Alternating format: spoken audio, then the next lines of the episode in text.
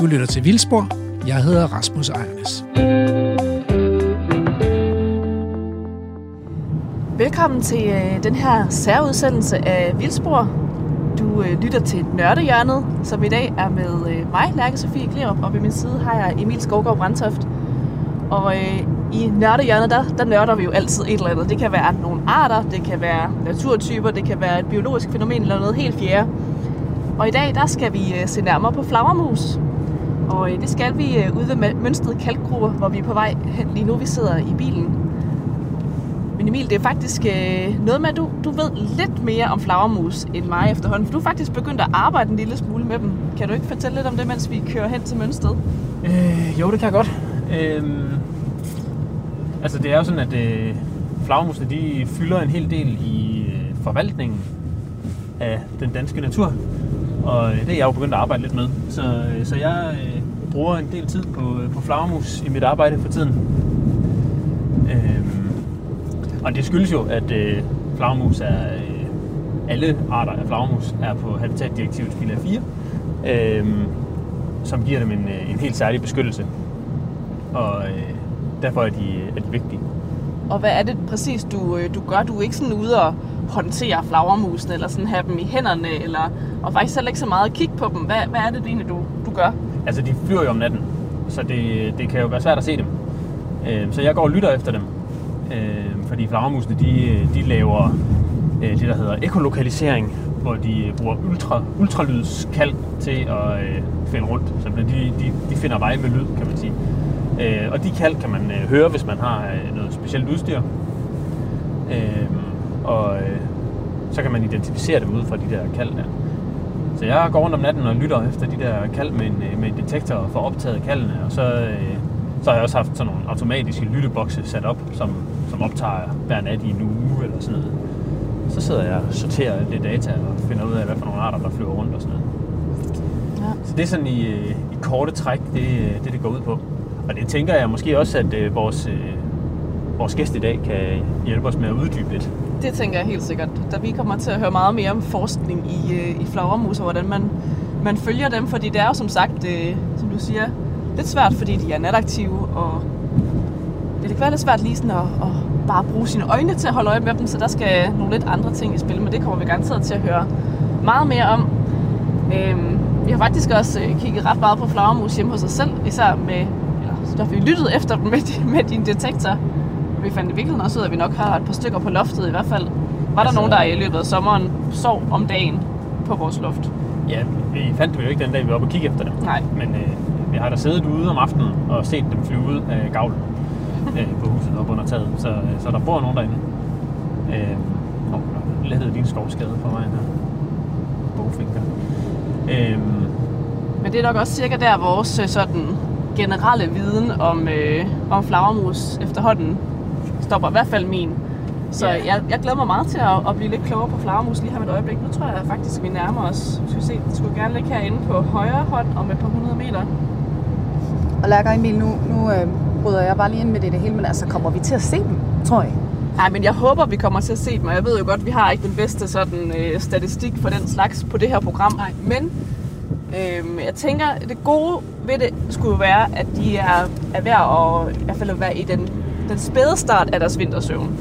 Og det gør jo i hvert fald, at de nok er rimelig standfast et sted. Og jeg håber, øh, vi skulle også meget gerne tale med en, øh, med en ansat her på Mønsted Kalkgrupper, som forhåbentlig har sådan nogenlunde styr på, hvor de har sat sig til at sove henne. Men, men det, det må I jo hænge på og finde ud af, vil jeg sige. Intet er sikkert. Hej så. Goddag. Velkommen. Hej. Jo, tak. Får jeg lige radioen indenfor her. Hej. Velkommen. Ja, så er vi kommet indenfor her i, øh, i entré-området her på Mønsted Kalkgrupper, og øh, der er dejligt stille her, for der er jo faktisk lukket for, øh, for vinteren nu. Og nu har vi også mødt øh, de to gæster, som vi har med i programmet i dag, og øh, dem tænker jeg lige, de får lige lov til at, at præsentere sig selv. Men først og fremmest så har vi Morten Elmeros, seniorrådgiver for Aarhus Universitet. Velkommen til programmet. Tak skal du have. Du øh, er jo vores øh, sådan virkelig flagermuseksperten i programmet i dag. Det håber jeg ikke, det stiller for store krav til dig. Det er jeg sikker på, at det ikke gør. Vil du lige sige lidt mere om, hvad det er, dit arbejde er som, øh, som seniorrådgiver sådan inden for faunaøkologi jo egentlig på Aarhus Universitet? Ja, på Institut for Ecoscience. Øh, jamen, jeg sidder, vi sidder og laver meget anvendelsesorienteret forskning. Anvendelsesorienteret på den måde, at det er jo, der er jo mange ting, man gerne vil vide omkring naturen, og vi øh, undersøger så praktiske ting, såsom hvor mange flagermus er der her, eller over, hjælper over, øh, med overvågning af dem, hvor de er. Øh, så vi, vi har meget samarbejde med Miljøstyrelsen, og så også i det her tilfælde med nogle af, af dem, der ejer noget af naturen. Ja, så med det her tilfælde så er mønstret kalkgrupper, og der har vi jo også en repræsentant fra, i form af dig, Søren Fransen, som er formidler og turistmedarbejder her på stedet. Vil du også lige sige lidt om, hvad det er, du arbejder med? Jamen altså, som du indledningsvis sagde, så er vi jo i den periode på året, hvor jeg holder vinterferie, der er nemlig lukket ned for, for gæster, og det er jo sådan primært det, jeg, jeg, jeg gør fra åbningstidspunktet øh, april, primo april, og så ind til slut oktober. Og det er jo øh, i, i, i bred forstand det at tage sig af de mange gæster, vi har. Øh, jeg bliver brugt som guide. Øh, vi har en del skoleklasser, der kommer. Jeg vil gerne have flere skoleklasser, og det er jo så lidt kvæg min baggrund som skolelærer, så jeg synes jo, det er dejligt at have med det at gøre. Men øh, det har jo bredt sig til også at være mange andre ting, jeg, jeg, jeg tager mig af. Og jeg har været herude i, i otte år efterhånden, og kender jo efterhånden stedet rimelig godt, synes jeg. Ja. Jamen det øh, lyder som om, vi har holdet sat for dels at øh, blive lidt klogere på stedet, og, og selvfølgelig også på flagermusene. Jeg tænker, vi måske lige skal starte med at, at høre lidt mere om, hvad det er for sted, vi er ind, Søren. For hvad er øh, mønstret kalkgrupper for et område? Jamen, øh, Mønsted Kalkgrupper er jo i dag et, øh, et, et, øh, et, et sted, hvor vi har rigtig mange turister. Vi øh, når et, eller har nået et tal i år, der siger 3, godt 83.000 gæster i løbet af sæsonen, som jeg nævnte før, fra april til oktober. Og der er jo så meget historie forbundet med stedet her. Det er kulturhistorie, det er industrihistorie, den øh, helt unikke natur, vi har i området. Og vi, vi skal jo millioner og millioner år tilbage for at kigge på de geologiske processer, hvor kalken blev dannet. Vi har jo kalk overalt i Danmarks undergrund. Det er bare et spørgsmål om, hvor langt vi skal ned for at finde den. Og, og tilfældigvis, nej det er jo ikke tilfældigt, men her i Mønsted Dagbjergområde, der har vi altså kalk meget tæt ved, ved overfladen. Og det finder man altså ud af i 1100-tallet, at det materiale, som man måske har gået og bandet lidt over, når man behandlede jorden, det var lige pludselig et, et anvendeligt øh, øh stof i forbindelse med byggeri. Og der, hvor det tager sin begyndelse, det er så i forbindelse med kristendommens komme til Danmark i 1100-tallet, hvor vi har folk, der kommer sydfra, som ved en hel masse omkring øh, øh, bygningskunst, og der begynder man så at udnytte kalken her fra Mønsted. De første mange år i de åbne brud, og det gav jo så nogle begrænsninger, fordi det er et godt sted at arbejde om sommeren, men når efteråret, vinteren sætter ind, så giver det nogle problemer. Regnen opløser kalken, når frosten sætter ind, så frostsprænger kalken, så på et tidspunkt, der finder man ud af, jamen efterspørgselen er stor, vi kan kun levere om, om sommeren, det skal vi have lavet om på, og så går man så under jorden, og så kan man arbejde i vinterperioden, efterår, vinter, forår, under jorden i grupperne, og det er jo det fantastiske gruppesystem, vi har, og vi siger jo, at vi har øh, verdens største kalkgruppe. Vi har kendskab til 60 km minegange, så der ligger en hel del arbejde i, i, i, i de år, der er gået, fra man starter med at udnytte kalken. Og det er jo sådan primært det, vores gæster de kommer for at, at, at, øh, at kigge på. Det er jo det der med, der har været minedrift i Danmark. Det er jo tit sådan noget, man forbinder med det store udland med kulminer osv. osv. Men der har været minedrift i Danmark. Og minen, gruppen, et nordisk udtryk for en mine, var aktiv indtil 1953 og ude i de åbne brud i 56. Og så bliver det så lukket ned for udnyttelsen af kalken her fra Mønsterområdet. Og det har noget at gøre med, at kalken i Mønsted, siger man, er lidt dårlig kvalitet.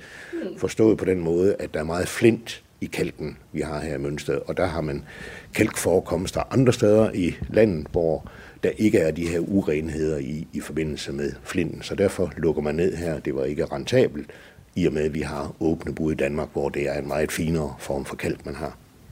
Det var ganske kort. det er godt, vi har rigtig god tid til at komme omkring tingene her i Jamen, det var det, jeg, jeg kunne ja. høre i starten. Ja. Også, derfor, det, jeg, jeg synes jo, det er en fascinerende historie. Ja. Altså, ja. Øh, 60 km minegang, er det bare her i Mønsted, eller er det sammen med, med naboen i Dagbjerg? Eller? Ej, men man, man, man, man, man siger, at Mønsted kalkgrupper, det er verdens største kalkgrupper, og det, og det er så det område med det kalkbjerg, der findes her. Om der er puttet lidt dagbjerg ind i det, det skulle jeg ikke kunne sige jo. Men øh, altså, i forbindelse med, at man har kortlagt det, og så når man op på de 60 km. Okay. Det er, det er langt, tænker jeg. Det er, det er meget. ja, men de har selvfølgelig også haft nogle 100 år til at, Ja, det er det jo. til at få Det er det jo. Ja. Ja. Jeg tror, der går rygter om, at der er forbindelse mellem de to grupper, men det er vist øh, Har de, har de mere røverhistorier. Det skulle jeg faktisk lige spørge, for det var faktisk noget, vi taler om i bilen på vej ud, og det rygte havde vi også hørt. Ja.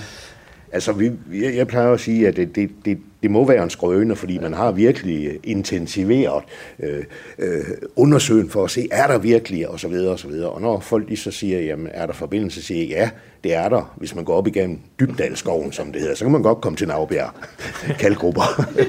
så nej, Der har også, øh, jeg har også hørt rygter om, øh, øh, måske er det øh, øh, drengehistorier, var jeg lige ved at sige, fra, øh, jeg kender nogen, der kommer fra Viborg, som øh, da, de var, øh, da de var børn, så gik de og talte om de folk, der var forsvundet i grupperne og sådan noget. Har det også øh, noget på sig, eller er det vandrehistorier? Jeg vil beskrive det som vandrehistorie. Vi har i hvert fald ikke sådan nogle øh, konkrete øh, tilfælde, hvor vi kan sige, at der er nogle øh, forældre, der ikke kunne finde deres børn, eller noget i den stil af. Altså vi kan sige, de historier, der også er forbundet med, det er jo meget altså over ved vores naboer i Dagberg, altså hele historien omkring Jens Langkniv, altså okay og, og så videre og så videre, som måske har afledt nogle, nogle, nogle historier øh, om, omkring det. Nej, så de der dramatiske ting med, at, at folk er forsvundet, det, det har vi ikke kendskab til. Vi kan ikke verificere det i hvert fald. Nej. Så der er, ikke en, øh, der er heller ikke en flok huleboer derinde, som man ikke har opdaget? Eller? Det er også et mørkt og koldt sted at, at leve, hvis man skulle bo der. Der er meget mørkt, når man slukker lommelygten hen i bunden. Ja. Men flagermusene bor der jo, Morten. Altså, Ja. ja. hvad, hvad, hvorfor, hvorfor synes de, at øh, sådan en kalkgruppe er et dejligt sted? De er nok sådan... Kalken er ligegyldig, mm. men om vinteren, så er de jo i, i dvale. Så der skal de have et sted, hvor der er dejligt fred og ro. Øh, og der skal være køligt og stabilt temperatur og luftfugtighed osv. og så er sådan nogle huller i jorden jo pragtfulde. Så de kommer her i løbet af efteråret og øh, flytter sig ind, og i løbet af vinteren sidder de så i dvale og er fuldstændig inaktive. Og nu, nu er vi her sådan i øh, første halvdel af november. Mm. Øhm, er de kommet? De fleste af dem er kommet. De er måske ikke flyttet helt ind og er gået dybt dvale endnu. Øh, og når vi nu kommer ned, så kan vi nok også finde nogle af dem, der sidder der. Øh, det er jo et varmt efterår, vi har, så hvis der er insekter, så flyver det lidt ud og, og foragerer endnu. Okay. Øh, det er lidt forskellige arter, eller der er fem forskellige arter dernede. Øh, og en af arten, den er, den er familieaktiv endnu ude i sommerlevestederne. Okay. Det er lidt afhængigt af, hvad de, hvad de spiser, Ja. om, om de stadig Ja. kan finde mad. Ja, selvfølgelig. Det er jo selvfølgelig, det der afhænger af. Ja. Det vil vi selvfølgelig meget gerne øh, høre meget mere om, hvad det er for nogle arter, og hvad, ja, Ja. Hvad, der, når, vi, når, vi kommer, når vi kommer lidt derud af. Hængende. Ja, stay kommer tuned. mere om det. Ja. Vi er altså ikke lige på, Søren, fordi nu er der jo flagermus øh, inde, i, inde i grupperne, og I har jo så også lukket her om vinteren. Hvordan er det at arbejde et sted som en turistattraktion, men som jo også skal tage hensyn til naturen, fordi flagmusen er jo fredet, og den skal vi jo beskytte, den har vi pligt- til at beskytte i Danmark. Hvordan, er, hvordan hænger det sammen, det arbejde for jer? Jamen altså, det, det, det, det, det, det er jo ganske enkelt. Altså, vi, vi, vi lukker stedet ned i, i den periode, hvor, hvor flagermusen øh, laver gruppen til deres soveværelse. Der, der skal vi ikke være dernede. Øh, og, og vi har ikke aktiviteter hen over øh, vinteren. Det er noget, vi, man arbejder fremadrettet på, måske at kunne sådan få fokus lidt væk fra det, det med flagermusen og grupperne, fordi der, som jeg var inde på før, der er jo en masse øh, industrihistorie, kulturhistorie forbundet med stedet. Og så har vi jo øh, et Natur 2000 område, også kalkoverdrevet, som også er noget helt specielt for området her. Så det er jo også noget, man kan drage ind i det at kunne lave nogle aktiviteter, hvor grupperne er lukket, fordi de forbliver lukket i den periode, hvor flagermusene er i, i dvale. Jamen, det kan være, det næsten er indgangsvinklen til, at vi skal måske be- bevæge os lidt udenfor. Nu kan jeg også se, at vi er jo omgivet af en hel del bygninger, der står noget med kalkværket herovre. Det kan også være, at vi lige skal kigge lidt nærmere på, hvad der ellers er, når vi lige kommer udenfor øh, af bygningen her. Det er mig, der er Emil Skovgaard Brandtoft, og lige nu er du på rapportage med mig og Lærke Sofie Kleo. Jamen, nu er vi gået udenfor, og, øh, og der, man kan jo ret hurtigt se en øh, ret stor rød træbygning med nogle enorme skorstene på. Hvad, hvad er det for noget, Søren? Jamen, øh, det er jo brænde, brænderiet, det er kalkværk. Det er sådan for, at man kan bruge øh, øh, den kalk, vi nu har her i undergrunden til byggeri, og det vil sige specifikt som kalkmørtel til at klistre stenene sammen med, så bliver man nødt til at, at behandle kalken, og den skal simpelthen brændes. Og det er for at få CO2'en ud af, af, af, af kalken. Og der påbegyndte man bygningen af kalkværk der i slutningen af 1800-tallet, og det er der, hvor industrien kommer ind over. Det er jo en af årsagerne til, at Mønse Kalkgruppe er blevet så stor, det er, at det bliver industrialiseret. Mm. Og det er som sagt, øh, det, eller ikke som sagt, det er den sidste eksisterende industribygning med trækonstruktion, totalt fredet. Så den stammer altså tilbage fra den tid af øh, slutningen af 1800-tallet, og så blev den udbygget øh, løbende efterhånden, som den teknologiske udvikling øh, tog, tog fart op igennem øh, 1900-tallet. Og hvad gjorde man med kalken inden da? Altså, så kørte man den væk til at blive brændt et andet sted. Der havde man, øh, hvad det hedder, fra man, man, man, man starter med brydning af kalken, som jeg sagde før, i 1100-tallet, mm. og så op til, hvor industrien øh, kommer ind over. Der bygger man primitive ovne ind i skrænterne rundt omkring, hvor man så brænder kalken. Jeg så før, at øh, der kom en mand gående med sådan en refleksjakke, hvor der stod øh, Arla på. Kan det passe? Hvad laver han? Jamen, øh, der er jo mange ting, man øh, forbinder med mønstre kalkgrupper, og øh, nu har vi jo været inde på det med flagermusen, og selvfølgelig det med at besøge grupperne.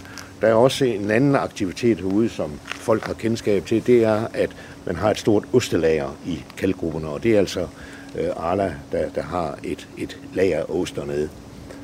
Så han, øh, han du, passer ostene? Han, han passer osten. Der er to herrer, der er beskæftiget dernede, som jeg plejer at sige, det var sådan nogle herrer, der ikke rigtig havde nogen venner, så nu er de blevet ostevenner. jeg kan forestille mig, at det måske er noget, øh, osten efterspørger det samme som flagermusene. Stabilt temperatur, stabil fugtighed og sådan noget. Ja, og en god historie om en ost, som bliver lavet i nogle kalkgrupper.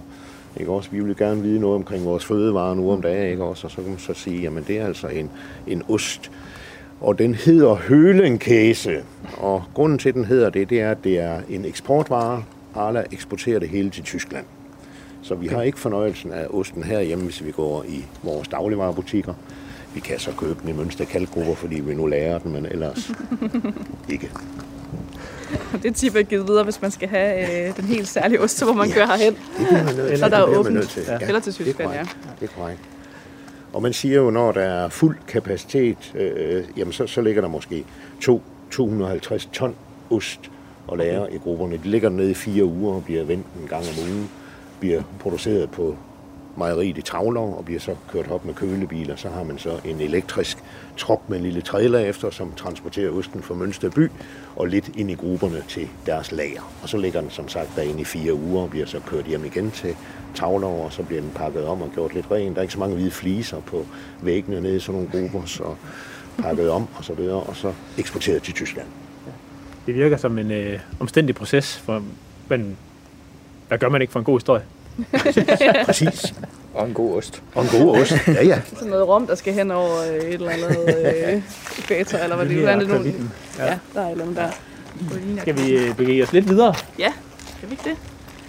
Nu må I vise vej, fordi vi, vi, vi begynder at bare gå. Ja. Jamen, øh, skal vi besøge kalkværket? Lad os da lige kigge ja. derover. Jeg tænker ja. på, hvor mange har det så egentlig beskæftiget? Altså, hvor mange har der arbejdet her? Jeg tænker, at Mønsted er sådan ligesom opstået som en, som en lille by rundt om det her sted. Men, men hvor mange har der arbejdet her? Altså, det, men, men man siger, der, der hvor der var flest beskæftiget, det vil sige øh, dels til at, at, at, at hugge kalken, og dels til at bære kalken ud derindefra, og dels til at passe ovnene, og så transporten ud til kunderne, der siger man omkring 80. Det, det, det var det, der var beskæftiget med, mm. med, med kalkbrydning i, eller minedriften i, i Mønsted. Okay.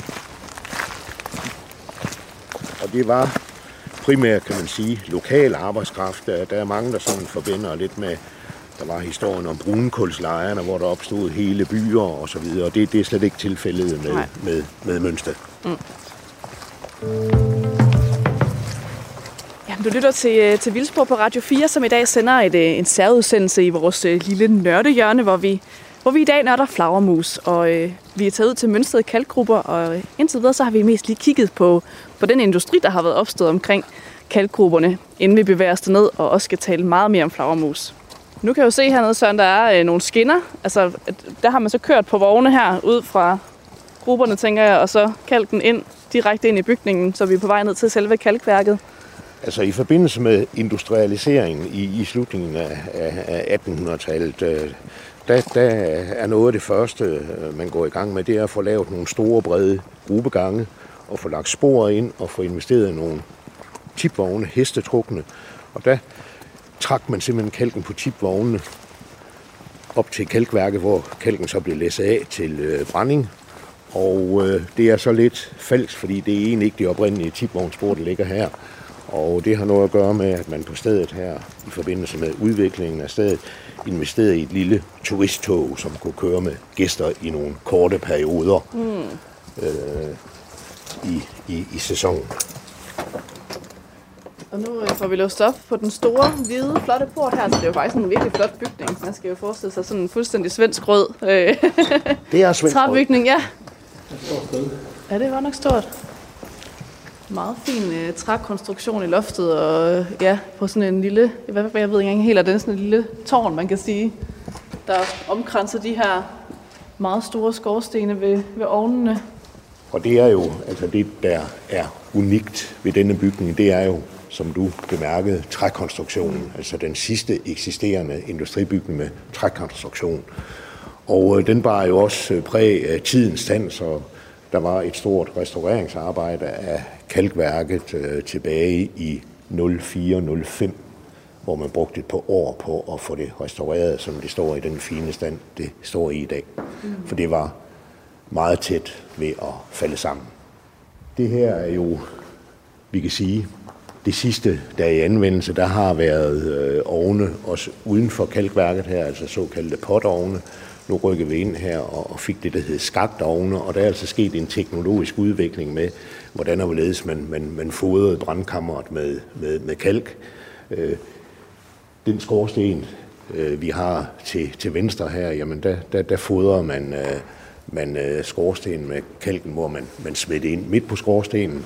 Den næste skorsten, øh, der fodrer man den ned helt op for toppen, hvor man havde hejseværk, og så blev det kalken så smidt ned der, og så ned igennem brandkammeret, og så taget ud af, af åbningerne nede i, i bunden her. Og den sidste, vi har derhen, det er den sidste, der var i aktivitet, og den var i aktivitet fra øh, perioden, hvor man stopper med at bryde kalk øh, i Mønsted midt i 50'erne, og så indtil 1980, der får man så kalk kørt hertil, blandt ud fra Djursland, fordi der er kalken af bedre kvalitet, forstået på den måde, ingen flint. Og der gik man så over til at lave det, der hedder hydratkalk. Og nu går vi så over noget nørde, noget det der med forskellige typer af kalk. Mm.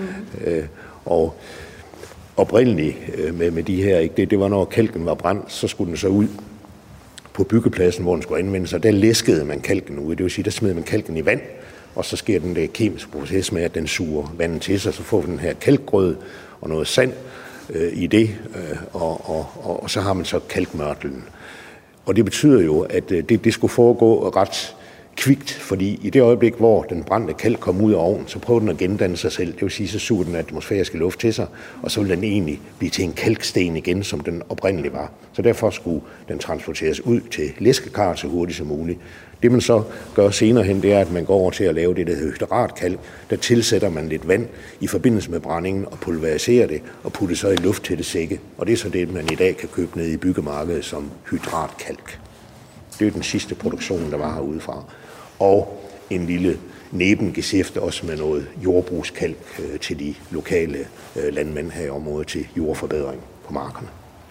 Jamen, det er en sjov historie at have ved, når vi nu lige om lidt skal ned og se på stedet, hvor øh, kalken er blevet brudt. Skal vi bevæge os ud igen? Det er mig, der er Lærke Sofie Gleup, og lige nu er du på reportage med mig og Emil Skovgaard Brandtoft. Nå, men Morten, udover at vi nørder kalk i dag, så skal vi jo også nørde lidt mere i flagermus. Og du taler om, at der er ja. Øh, fem forskellige arter, vi, øh, der, der har deres overvintringsplads her i Mønsted kalkgrupper. Yep. Hvad, hvad er det for nogle arter? Der er to arter, som er her i meget stor antal. Det er dampflagermus og vandflagermus. Øhm, og så er der en art, der hedder brændsflagermus, og en anden art, der hedder fronteflagermus, og de er sådan i ikke så store tal. Mm. Øh, de, er, de er arter, der er mere sjældne. Øh, og så den femte art, det er øh, brun langøre, eller langøret flagermus, øh, som er lidt mere tilfældig hernede. Okay. Den, den har sikkert mange andre, øh, eller andre, der er mange andre øh, overvintringssteder, hvor de sidder i lavere antal. Men øh, for øh, dampflagermus især, og så også vandflagermus, der er det den her kalkgruppe, også den over i Dagbjerg, og de andre kalkgrupper oppe i Himmerland, det er meget vigtige overvintringssteder for hele bestanden. Og, og store tal, hvor, hvor store taler vi så? Cirka. Cirka. øh, sidst vi talte, og det er så at være en 10 år siden, mm. øhm, der var der en 4-5.000 øh, dampflagermus hernede, og 10-11.000 vandflagermus. Hold da op. Ja. Okay, det er ret store tal. Det er ret store tal. Øhm, og mønstret her sammen med Dagbjerg, det er altså også nogle af de størst kendte øh, overvintringssteder for øh, især øh, dampflagermus. Ikke bare i Danmark, men i Europa. Nå, okay. Så er den udbredt sådan langt ind i Rusland. Øh, og der skal jo nok være nogle store overvintringssteder derovre, også over i Uralbjergene, men dem kender man altså ikke. Men, Men alle, alle de her mange øh, dampflagermus og vandflagermus, hvor kommer de fra? Øh, de kommer fra hele Jylland og flyver herop øh, hver efterår. Okay. Så vidt vi ved. Ja. ja. øh, der blev tidligere, øh, tilbage i 60'erne, der prøvede man, der ringmærkede man flagermusene, og har så fundet dem om sommeren også. Og, så ja. og de kommer altså fra, øh, fra hele Jylland. Dampflagermus, vandflagermus er udbredt i hele landet. Ja. Så snart der er en lille vandløb, eller, eller, eller et vandløb eller en lille sø, eller en større sø, så, så, så kommer der vandflagermus forbi.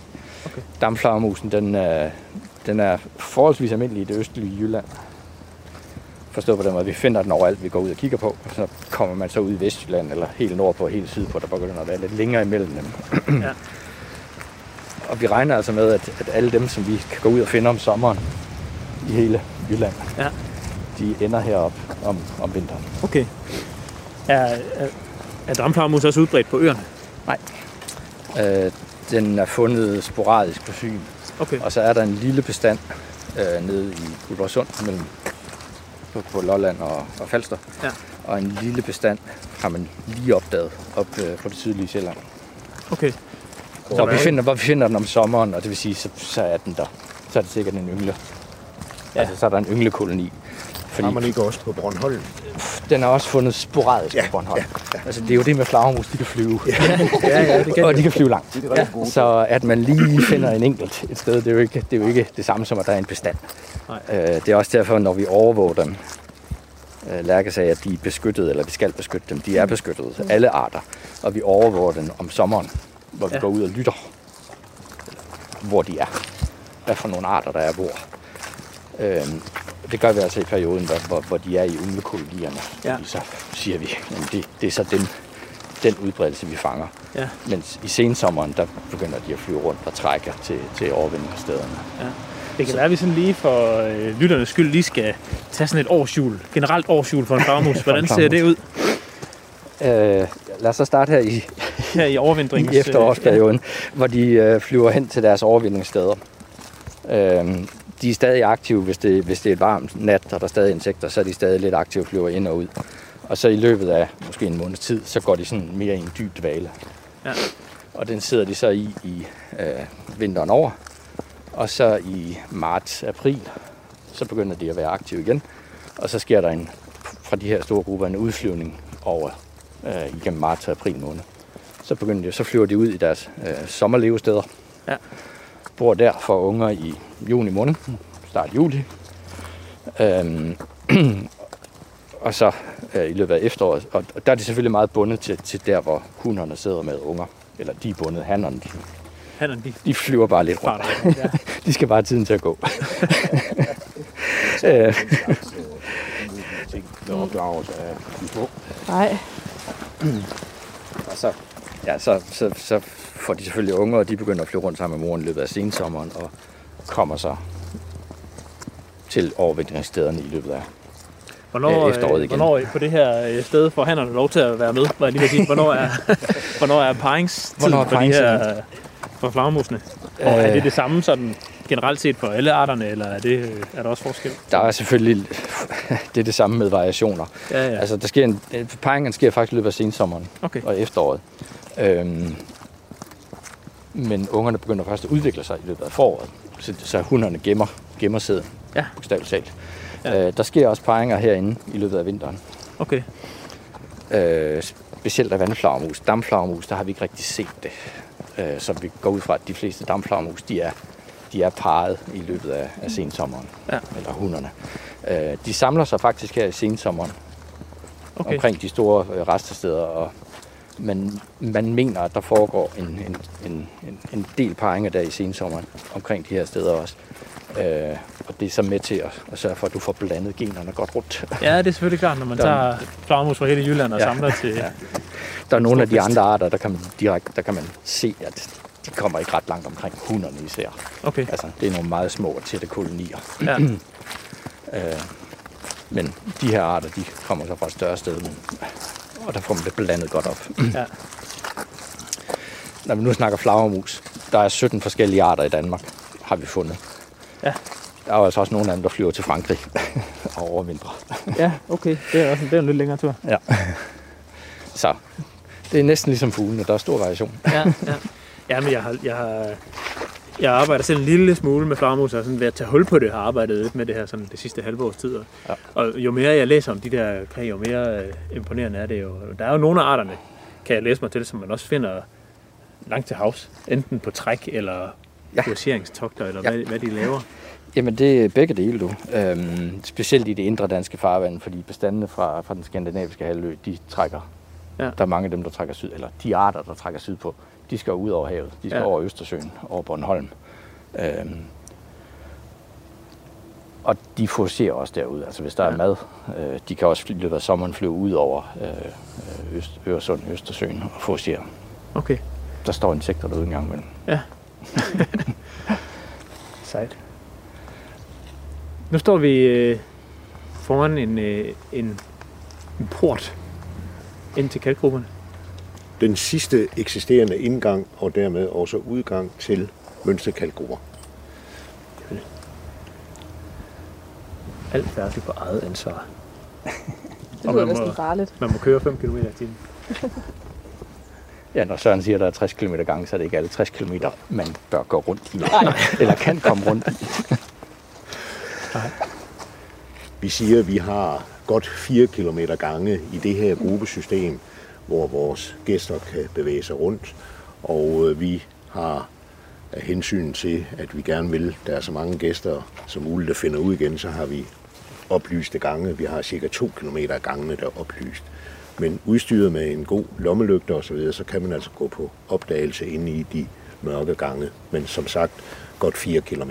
Ja.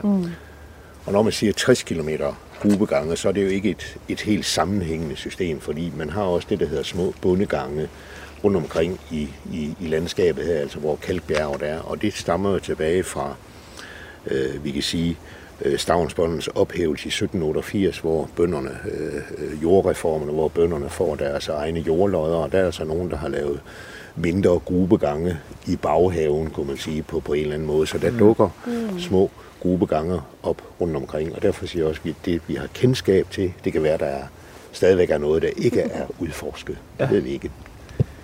Så der har også været mange indgange til det her kæmpe store ja, Ja. kalkbjerg. Ja, det har, Ja. ja. det har. Sejt. Det er spændende. Det er meget spændende. Ja. Hvor langt inde sidder flagermusene? Altså, de sidder vel ikke sådan lige her i åbningen, tænker jeg. De vil gerne godt ind i dybden. Ja, du ligger, Søren. Du har været lidt...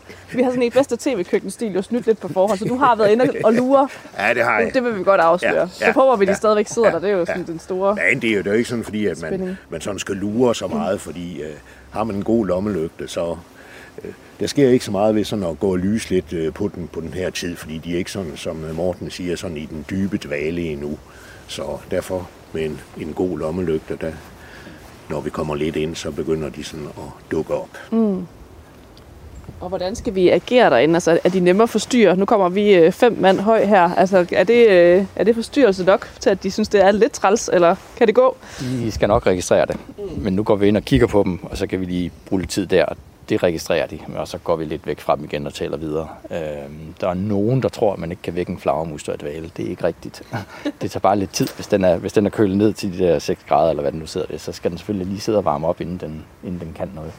Ja. Øhm, og når vi nu siger, at man skal passe på flagermusene i vinterdvalen, og øh, mønstret kaldgrupper lukker for, for turisterne. Det er jo lidt ærgerligt, fordi det er jo rart at komme ind og se de her dyr, men det forstyrrer altså. Og vi har sådan en øh, tommelfingerregel, eller at hvis, hvis en flagermus skal vågne op fra en dvale, så brænder den fedt af, som den kunne leve i en uge af om foråret. Og det kan godt være, at de kommer ud i april, og det begynder at være varmt. Men hvor mange insekter er der om foråret? Det kommer først sådan hen i juni. Ja, ja. Så øh, for mange forstyrrelser, Så, øh, så er madpakken ikke stor nok. bliver det pludselig hurtigt nogle uger, hvis vi går derind i altså, flere omgange. Okay. Så må vi, øh, må vi tage billeder af dem, hvis vi ser dem, eller skal vi lade være med det? Nej, vi kan godt tage et par billeder. Spørg produceren med kameraet, eller Det med at bruge den kraftige blitz. Men hvordan er det med, når, når, man, når man nu... Øh, altså typisk, når man overvåger flagermusene, talte om, så, så overvåger man dem på, øh, på ynglepokaliteterne eller på sommeropholdsstederne Mm. i hvert fald, og det gør man med, ud fra deres øh, kald, Ja. ja. deres ultralydskald. Ja. Ja. Når nu man kommer ind og ser sådan en flagermus, der hænger i dvale, så, så siger den vel ikke noget. Det er fuldstændig rigtigt. Kan man godt kende dem alligevel?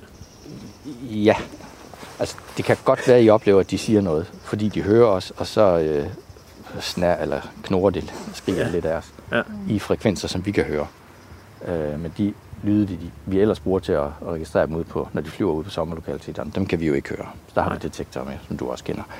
Øhm, så, Det kunne være spændende. Jeg har engang, jeg har engang for mange år siden været i Mexico, nede i sådan nogle øh, grotter, Mm. og set flagermus hænge op i loftet. Øh, er, det, er det sådan noget, man skal forestille sig, hvor de hænger sådan side om side og øh, i store plamager, eller sidder de enkeltvis, eller hvad, hvad, hvad, hvad kommer vi ind til? det kommer lidt an på, hvad for en art, men det, det, nu har Søren snydt, så han kan fortælle det.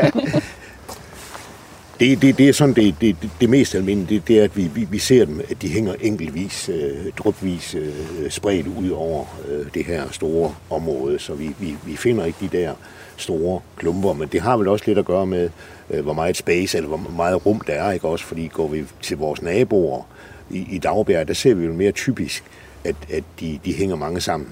Ja. Altså, der, er- der er lidt forskel fra arterne. Der er nogle arter, der godt kan lide at sidde sammen, sådan 5, 5 10, 20 ja. stykker, afhængig af, hvor mange de er. Øhm, og så i Dagbjerg, der sidder vandflagermus, som vi har så mange af herinde også, øh, som ellers sidder enkeltvis. Ja. De kan altså samle sig i nogle store klumper. Ja. Og ja. nogle af de der arter, du har set i, i Mexico, det er jo nogle helt andre arter. Og Ja, ja, det er, det er sommer, klart. og det er sommerleves, eller ynglekolonier også, og så videre. Ikke? Så Ja. der, der, sidder de som regel Ja. tættere. Så Jeg det kan også huske, vi, vi flere steder, både ved sådan en, en stor grotte, og også ved sådan en, en, en, en brønd nærmest ned i jorden, eller måske en eller anden skagt ned til et grottesystem eller et eller andet, har, har set dem øh, flyve ud. Har jeg set dem flyve ud derfra. Ja. En, øh, sådan en, øh, en sen aften, hvor det lige pludselig bare vrimlede med flagermus. Hundredvis af flagermus, der kom ud af de der grottesystemer der. Det var, det var Der er selvfølgelig en sikkerhed i, i, i antallet. Ja. Altså, så, så hvis de, kom, de kommer som regel ud sådan omkring solnedgang. Nogle af dem lidt før, nogle af dem lidt efter bliver de aktive. Øh, og hvis det stadig er lyst, så kan der jo være ugler, der sidder og tager dem, når de kommer ud af hullet, eller andre rovfugle også, der tager dem. Ikke? Så der er det selvfølgelig en fordel, når man kommer 100 eller 200 eller 500 ja. på én gang. Så er det jo lidt sværere at finde for, for Ja, rovdyrene at tage dem. Ja, men det kender man jo også fra stærende sorte sol, for fuldstændig hvor sammen, ja. forvirrer fjenden ved at være mange nok. Ja. Eller der, der er jo, ja, altså der er jo både sikkert sådan et eller andet, det er svært for en rovfugl lige at fokusere på, hvad er det for en af dem, jeg skal fange, hvis det er en stor flok. Men mm. der er jo også sådan en, hvis der er tusind, og der er en, der skal spises, så, så, så, så er der en promilles risiko for, at det bliver mig. Øh, ja. Men det, det, det, det, er jo, det er jo ikke det, vi oplever, når vi, vi, vi når hen øh, til foråret, hvor de begynder at, at, at bevæge sig ud, og også lidt afhængige af arterne. Der er også forskellige udflyvningstidspunkter, sådan øh, generelt ikke også. Og øh, nu har vi jo øh, udstyr på der, som, øh, som registrerer øh, ind- og udflyvning, og der kan vi se, det, øh, det, det, det er meget øh, sporadisk. Som, øh, der, der kommer ikke lige en ordentlig flok på én Nej, nej. gang og så videre. Det er sådan spredt lidt henover. Det, det kan måske være ja, det ved jeg ikke, at de, de kan være samlet måske 20 eller 25 eller et eller andet, øh, og så kommer ud. Men ellers, Det er rigtigt. Kommer ikke ud sådan i en stor flok. Øh, Det, det sker sådan i løbet af de første par timer efter solnedgangen. der kommer og besøger os, der, der, der spørger vi, hvis, hvis nu vi kommer i april måned, må, må vi så stå hernede, altså når vi ikke har åbnet nu, og så ser jeg, at de kommer flyvende ud alle sammen. Og det er jo som du siger, det der med, med sort sol og så videre. Nej, det, det, det får I ikke at se. Kommer der en helikopter eller et eller andet? Skal vi, skal vi begive os øh, Ja. lidt ind? Lad os det. Hvordan? Ja, du lytter til, til Vildsborg på Radio 4, og i dag der øh, nørder vi flagermus i vores øh, nørdehjørne, og vi er simpelthen lige trådt ind i mønstrede kalkgrupper, hvor vi jo simpelthen håber på at se nogle flagermus. Og det er jo de her enorme gruppegange, vi bevæger os ind i nu. Og nu, nu tænder Søren heldigvis noget lys, det er jeg faktisk lidt glad for, fordi ellers er der godt nok mørkt herinde. Wow. Det er virkelig flot. Der er Imponerende. egentlig overraskende højt til loftet. Altså, der er blevet gravet, gravet dybt. Man har udnyttet. højt, eller, ja, man har Det virkelig er udnyttet det. totalt Morias Mia. Ja, fuldstændig. Men det er også fordi, vi er her i de ydre dele, hvor, hvor det har været industrielt. Så her er det udnyttet på øh, så meget, som det kunne. Ja, men man kan måske også godt se de der flinten, du talte om i, øh, i kalken der. Der ligger nogle ret store bånd af, af flint. Det gør der. Vi har de lavflinten, som vi kan se, det er sådan nogle vandrette formationer, og så har man også noget, der hedder forkastningsflint, hvor det, det, det, det nærmest står lodret, og det, det er jo noget med, at, at det er en salthors, der har øh, arbejdet kalken tæt ved, ved jordoverfladen her, og så har flinten jo bøjet sig lidt af, og så har man også noget, der hedder kugleflint, som stammer noget fra, øh, hvad det er, nogle istider, som jo er sådan ved den sidste istidsrand her, så der er jo et fantastisk spændende geologisk område, vi også bevæger os rundt i her, som har gjort noget ved det. Og som vi kan se her, så er kalken jo desværre blevet lidt grøn, Ja. og det har jo noget at gøre med dagslyset, som er med til at, at, at, at, at gøre den hvide kalk grøn. Og det er også en af årsagerne til, at vi har sådan meget dæmpet belysning herinde, for det ville jo være lidt kedeligt, hvis den hvide kalk var grøn overalt. Og det, det er så snart lyset kommer ind, så Det er vel nogle algebelægninger, eller hvad? ja, det er det. Det er heller ikke særlig godt for flagermusene, for de vil jo helst ikke sidde i sådan noget, der er snasket og vådt. Nej. De skal jo... Det, det må gerne være høj luftfugtighed, men det skal jo ikke være vådt. Her er simpelthen lige kort over alle, Hold da op. alle hele systemet her. Det er også et Der er mange, der er mange gange. Det er der. Altså, der er sådan lidt, der er jo sådan en helt katedralstemning også herinde. Det, rung- det runger også næsten, som var man inde i en kirke. Og der er også sådan helt naturligt blevet gravet ud i sådan nogle søjler. Det er øh, virkelig imponerende konstruktion. Eller hvad man nu skal kalde det. Jo, men så det er jo et udtryk for, at øh, de, de lokale bønder, som startede hernede med at, at, at hugge kalken løs, de var jo godt klar over, øh, hvordan og man skulle arbejde for, at det hele ikke skulle styrt sammen, altså med at bevare de her søjler og, og, og de buede lofter osv. Det, det havde de helt styr på.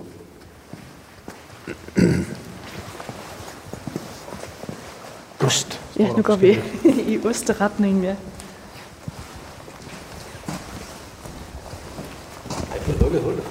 Ja, det, det, det er nu lukket af sig selv.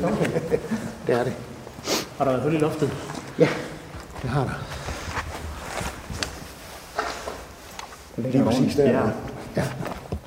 Hvad? Sand, der er faldet ned?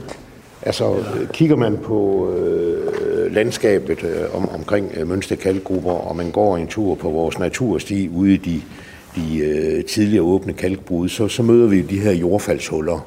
Øh, og det her er et udtryk for et jordfaldshul, der er opstået i 2019 Okay. på grund af, af meget regn og så videre. Så, og de aller, aller ældste gruppegange, der ligger tæt ved jordoverfladen, der, de synker lidt sammen, og så vandet er så med til at presse på. Ja. Og så sker der altså lige pludselig det, at der går hul på det, og så ryger det hele vejen ned igennem og ender så hernede i, i, i, i bunden af, af grupperne. Ja. Der ligger simpelthen bare kæmpe bjerg af sand lige der. Er det, det er alt sammen, fordi det er faldet ned opfra? Det er overflademateriale, der ligger der. Ja. Var det den her vej til flagermusen? Jeg kigger bare herop, fordi jeg var nysgerrig. Jamen, øh, du, du, du er på rette vej, Morten. Men havde vi den gode lommelygte med at, at lyse lidt rundt omkring, så kunne vi nok sådan få øje på en enkelt eller to, der, der, der, der, der hænger synlige. Men det er også sådan med, med, med flagermusene, de er også rigtig gode til at gemme sig. Og hvad siger vi, Morten, at en, en stort antal af de flagermus, øh, der er herinde, gemmer sig vel også i løst og så videre. Ja, altså, når vi nu kommer med de her store tal for, ja. hvor mange der er, så er det fordi, vi har prøvet at fange i løbet af den periode, hvor de flyver ud. Øhm, og så regne os frem til, hvor mange der totalt er. Fordi hvis man går og tæller, hvor mange der hænger herinde, så får man slet ikke så mange. Fordi de, de gemmer sig, altså ikke bare, at de gemmer sig i, i, i sprækker, der er herude, hvor vi kan gå, og så sidder der altså også nogle længere inde, hvor, hvor arbejdstilsynet nok ville have noget at sige, hvis vi kravlede ind på arbejde. Som der også stod uden for det bræde ansvar. Ja, vi kravler ikke ind i nogen uh, skumle Der er helt sø nede i, i bunden af, af grupperne her. Nå, det er simpelthen vand. Ja, helt, helt rent vand ser det ud til det. Ja. Altså vi er cirka 35-40 meter nede de dybe steder i, i forhold til, til overfladen, og, og, og den, den sidste del af brydningen herinde fra industriens side, jamen den når man ned til grundvandet, derfor har vi søer, der står herinde, vi, vi leder vandet ud, vi har nogle overløbsrør, øh, fik vi ikke ledt vandet ud, så vil det simpelthen blive oversvømmet herinde.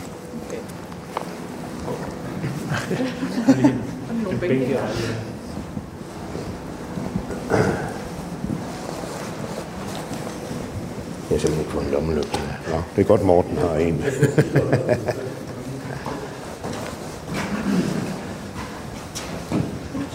Det, der så ligger her, det her bjerg herinde til højre. Er det også sådan en jordfalds sammenstyrtning, eller ligger det her gamle?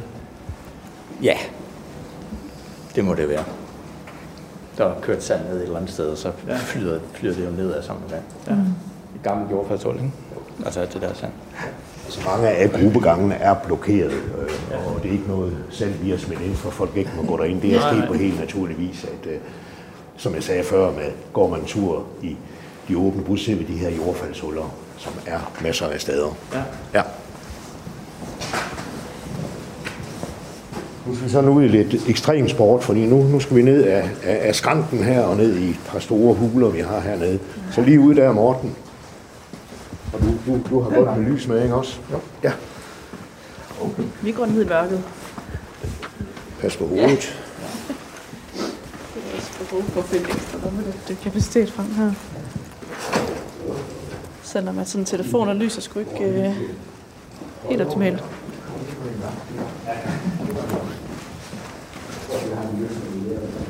Sådan en ren ekspeditionsstemning. Ja, det er det Det virkelig. er 100 procent ekspedition. Jeg føler virkelig også, det er lidt spændende der.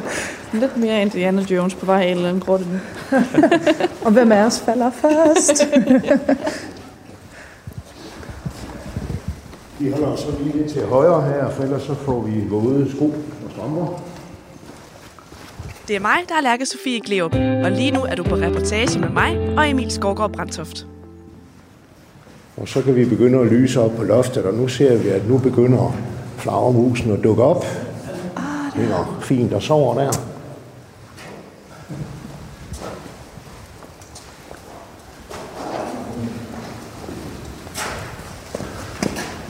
Men det er rigtigt, vi sidder der meget sådan enkeltvis. Ja, måske lige et par stykker. Der lige... sidde et par stykker sammen. Ja. Ej, det er meget fint. Åh, oh, Flyver den der.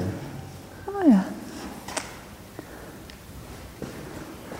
Skal vi lige prøve at slukke alt lyset, så ser vi, hvad den egentlig har at arbejde med. jo, lad os gå. Du skal dreje på, Jeg selv sikkert finde ud af det. Bunden. øh, på toppen.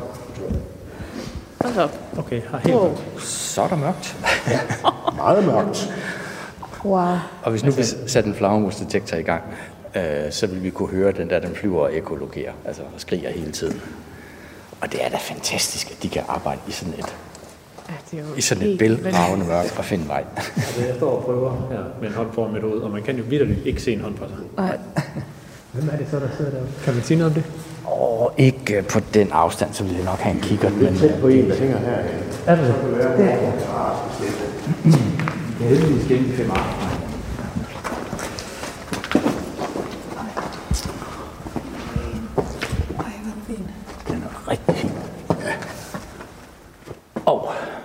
Dampflagermus og vandflagermus har jeg nævnt flere gange. De hedder selvfølgelig vand og damp, fordi de fokuserer over vand og damp, eller større vandflader. Øhm, og de er lidt forskellige i størrelsen og ligner ellers hinanden meget. Og øh, den der er stor, kan I jo godt se. Det er en dampflagermus. Øhm, Står man stadig rimelig lille? ja, større end vandflagermus. Og hvis nu man har set mange flagermus af forskellige slags, så kan man også se, at den har lidt forholdsvis store fødder. Det er svært at se. Man skal ligesom have referencen. Ikke? Ja. Øhm, men vandflagermus og dampflagermus, som jeg sagde, de fokuserer over vandflader. De kan faktisk tage insekter på vandfladen. Og man, den måde, de fokuserer på, det kalder man at trawle. Så de bruger faktisk fødderne til at tage tingene fra vandfladen. Okay. Derfor har de lidt større fødder end de andre. Og det, altså nu siger jeg størrelsen her, ellers så kan man også se, at den er hvid på buen. Ja. Øh, hvis nu det havde været en brændsflagermus, så havde den været del mindre, og den havde været mere brun på buen. Og hvis det havde været en frønseflagermus, så ville den have haft større ører. Okay. Og langøret flagermus, den har meget, meget større ører. Ja. meget store ører. Det er helt vildt. Ja. Og så hænger den simpelthen bare der indtil det bliver forår. Ja, den, den flytter så nok længere ind på et eller andet tidspunkt, men de, de, de, de, kan, nej, de kan gå i dvale i nogle dage, og så vågne op igen og flytte sig videre rundt. Øh, Det kan de for øvrigt også om sommeren, hvis der kommer en periode med dårligt vejr. Det er de gode til at indrette sig efter øh, vejrlig, kan man sige. Ja. Og det er jo også det med aktiviteten her om efteråret, ind- og udflyvninger. Mm. Øh, det kan vi se, er det dårligt vejr, det vil sige, regner det meget? Nej, så bevæger man sig ikke så meget ud. Det gør man ikke. Det er man jo godt. Men, altså, når Ligesom man nu, andre. hvis man nu hænger herinde en dag i april og tænker, eller marts og tænker, det er ved at være tid til at stoppe.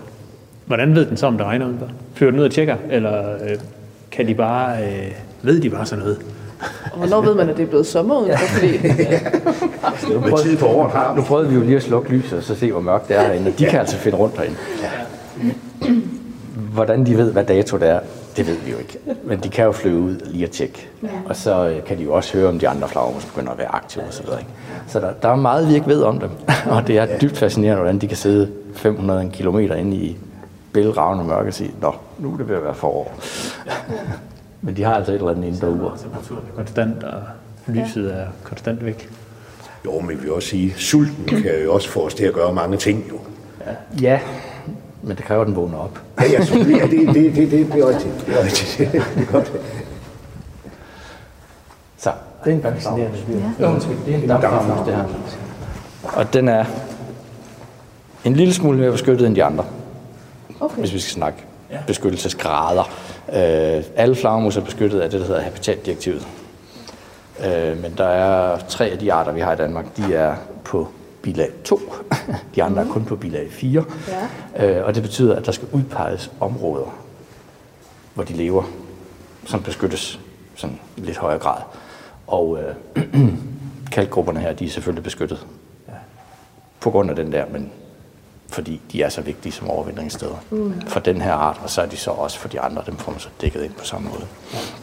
Er det så både altså sommerlokaliteten og, og vinterlokaliteten, der bliver beskyttet? Eller er det, det, det er jo lidt sværere, for der er det vel mere spredt ud? Der er de mere spredt, der er nogen også, altså det, det, det er ikke principielt at alle steder, hvor der sidder en flagermus, eller hvor ynglestederne, de er beskyttet. Øh, men, men de her områder, hvor, som så er forholdsvis vigtige for de her arter, de bliver udpeget spe, specielt, så det er ikke sådan, at alle steder, hvor der kommer en dampflagermus forbi, er, er, bil, er Natur 2000-område. Er der en, der skal derud nu, eller hvad? Er det Ja, der er noget, øh, nogen, der sidder og knogler der ser over, tror jeg.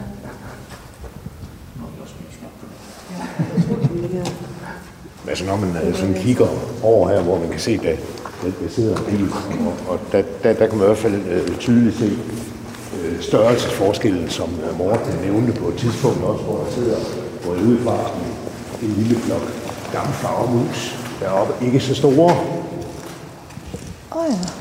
Hvor vi så går vi lidt længere ned, så, vi ser, så sidder der en ordentlig base dernede, ikke? Og på på den her afstand, der er det sådan næsten den eneste måde, man kan artsbestemme på. Nu ved vi så, at det begrænser sig til nogle få arter, så, ja. så er det nemt nok jo. det, det hjælper. Ja, det gør det. Der fløj også en. Jeg tænkte derhjemme, at øh, nu skal vi jo ned i mørket, så jeg får nok ikke brug for min kikkert. Men det kan jeg da godt fortryde lidt nu, at jeg ikke har taget den med. Lærker Emil, det er simpelthen tid til, til nyheder. Nå, for søren. Jamen, tiden flyver jo, når man er i godt selskab. Jamen, øh, så må vi hellere lige øh, lægge over til nyhederne, og så kommer vi tilbage lige om et øjeblik på den anden side.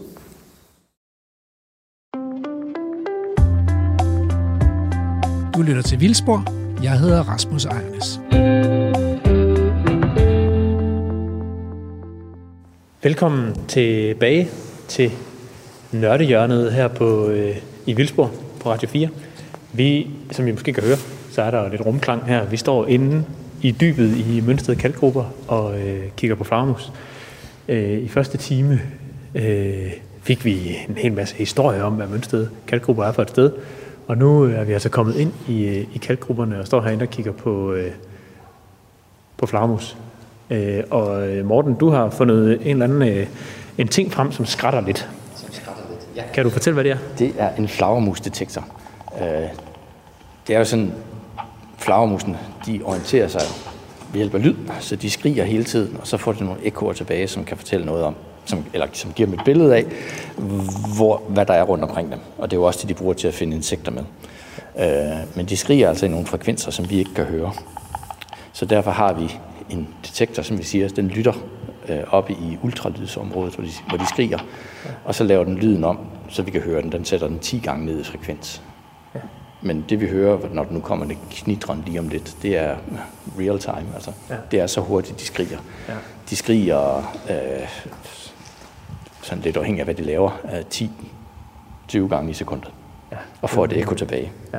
Og omsætter det til et kort. Tredimensionelt. Det er ret fantastisk. det er simpelthen så hyldt, at det kan lade sig gøre. Og nogle af de der, nogle af de der kald spænder jo over et, et helt vildt spænd af frekvenser. Ja. I løbet af få millisekunder. Det. Ja, altså nu, der, nu står vi herinde, og vi kiggede lige på en, der sad og, og sov, men øh, der er altså også et par stykker, der flyver rundt. Øh, og det er det, man skal passe på, men vi er her. Vi forstyrrer et par stykker. Det betyder forhåbentlig ikke så meget. Øh, og når de flyver herinde, det, det er forskelligt fra art til art, hvordan deres skrig ser ud.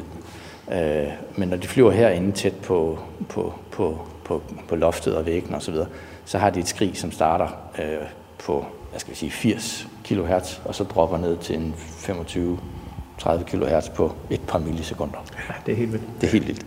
Og, og det kan være, at man sådan lige for referencens skyld, kan, hvad, hvad kan vi høre? Hvad er det for en, et frekvensspektrum, mennesker ja. sådan cirka kan høre? det, var, det var et godt spørgsmål. For, for mig ja, det var bare lukket op til, øh, til 9.000. Nej, du. Jo, måske Kilo. med den alder, vi to har. Ja. ja. det er jo det, til udgangspunkt i. Okay. Og det er også det, når ja. Vi fortæller om flagermus, så siger vi jo, hvis der er børn med, ja okay, de har måske en bedre chance for at kunne høre den, fordi de jo har en bedre hørelse. Mm. Og har vi, går vi rundt ude i naturen og har vores hund eller vores kat med, jamen vi ved, at de har jo en, en bedre hørelse, vil sige, at de kan høre nogle meget højere frekvenser, end det menneskelige øre kan. Og nu er der lyd over det. Det var flagermusen. Ja. Øh, altså et, et godt menneskeøre kan høre op til 20 kHz. Okay. Og vi har en art her i Danmark, brunflagermusen, som kommer ned på lidt... Den har nogle forholdsvis lange, kraftige skrig, når den flyver rundt øh, op i åbent luft. Og der kommer den altså ned på en 19-18 kHz. Så der er faktisk nogle mennesker, hvis der kan høre dem. Ja. Og så er der øh, skimmelflagermusene og deres paringskald og sådan noget, som måske er en lidt anden historie. Jeg skulle lige til at sige det, fordi det er faktisk ikke kun skimmelflagermusen. Der er andre flagermus, der der flyver rundt og siger noget, og det kommer ned på skimmelflagermusen kommer rimelig langt ned, men ellers øh, dværgflagermus, som du måske har boende i dit hus, eller som bor i huset, som folk sidder og oplever om aftenen, når de sidder og drikker øl på terrassen og sådan noget. De har altså også nogle, øh, nogle revirkald, eller hvad vi skal kalde dem, som, som kommer ned på en, en 15-16 kHz. Okay. Så det er ikke nødvendigvis konen, der vil være småtosset, hvis hun kan høre flagermus, eller børnene. Første gang jeg hørte det, der troede jeg virkelig sådan, jeg må have super hørelse. Jeg har lige hørt en flagermus.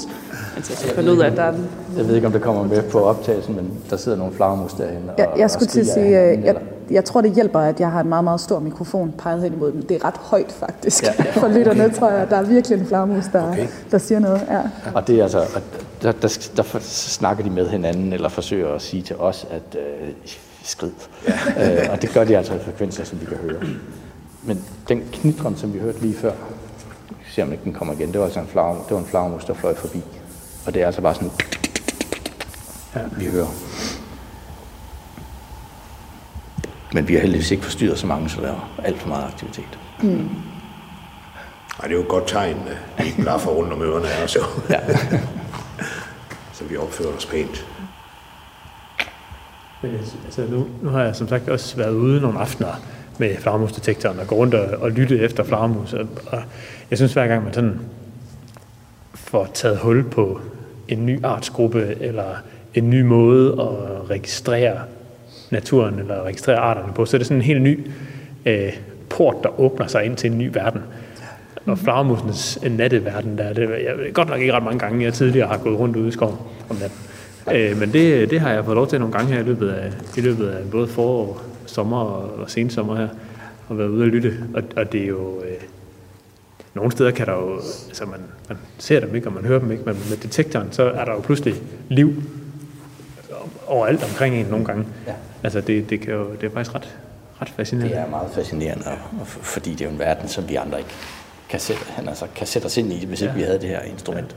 Ja. Øhm, og, og, og på de steder, hvor der er store insektmængder, hvis du er tæt på en stor koloni, jamen, så vælter det jo med flagermus. Ja. Øh, vi kan desværre ikke rigtig bruge det til at tælle, hvor mange der er, fordi det kan være den samme, der ligger og flyver frem og tilbage sådan over en time, ja. eller hvis der er fem, så er det jo bare tik, tik, tik, tik, tik, tik, tik hele tiden. Ja. Øhm. Det er jo også det, der, der er den store udfordring, i, i når vi, vi oplever flagermus, det der med at artsbestemme. Ja, okay, der kan komme nogle fingerpeg, hvis man har detektoren, ikke også, øh, i hvilke frekvensområde de ligger. Men altså den eneste måde, øh, det er jo, nu kan vi gå og kigge på den meget tæt på her, der kan, vi, kan Morten sige, det var altså en dammeflagermus. Og det sidste nye tiltag, vi har, så det er jo så billedgenkendelsesapparatur, vi har ved, ved indflyvningshullet, mm. hvor vi så kan sidde og kigge på billeder af flagermusen og så bestemme, øh, hvad det er for en art. Ja. Nu, lige nødt til at rette lidt, Søren. Vi er ret dygtige med lydene. jo, jo, jo, jo. men, men det, der er vigtigt, det er, at flagermusene ændrer deres skrig afhængig af, hvor tæt på ting de flyver, og hvad de laver osv. Så, så vi har masser af optagelser fra et sted, og vi siger, okay, det er en af de her to-tre stykker. Og så må man altså bare få stå der en halv time mere eller sådan noget, og få den der optagelse, eller lytte til den, hvor siger, det der, det kan kun være den. Jeg har stået en halv time klokken midt om natten, eller en time var det vist nærmest nede ved Brabrand Sø, fordi jeg skulle have den her dampflagermusoptagelse. Og jeg kunne se flagermus, der fløj rundt ude over søen, og de var store, og det må være dem. Men jeg skulle have en optagelse af det. tog jeg som udgangspunkt, er også amatører. Ja, jo, jo, jo. Når vi gerne finde ud af, ja. hvad det er for en art, så har vi nogle udfordringer. ja, øh, og det er... Hov, der fløj en, men den skræk sig ikke så højt. Jeg siger, de, de giver øh, for, forskellige, forskellige lyde, og vi kan kende alle arter, bortset fra to her i Danmark. Øhm, og det er altså både frekvenserne, hvor stort et, et bånd, altså frekvensfald, der er i skriget. Øh, så det er både frekvenserne, og hvordan skriget ser ud, og hvor lange intervaller der er imellem hver enkelt skrig. Mm. Når den flyver og bare søger føde. Og så er der så alle de andre, hvor den sådan er ved at fange noget, og, og, så, og så lyder de alle sammen ens næsten. Øhm, og vi har de her fem arter herinde. De fire af dem er tæt beslægtede. De er svære at kende i forvejen, når de flyver rundt ud i sommerlandet. Og herinde, der vil vi ikke kunne kende fra hinanden. Hvorfor kunne jeg ikke høre det? og de skriger heller ikke så højt herinde, fordi de er tæt på, på det, der nu giver et ekko.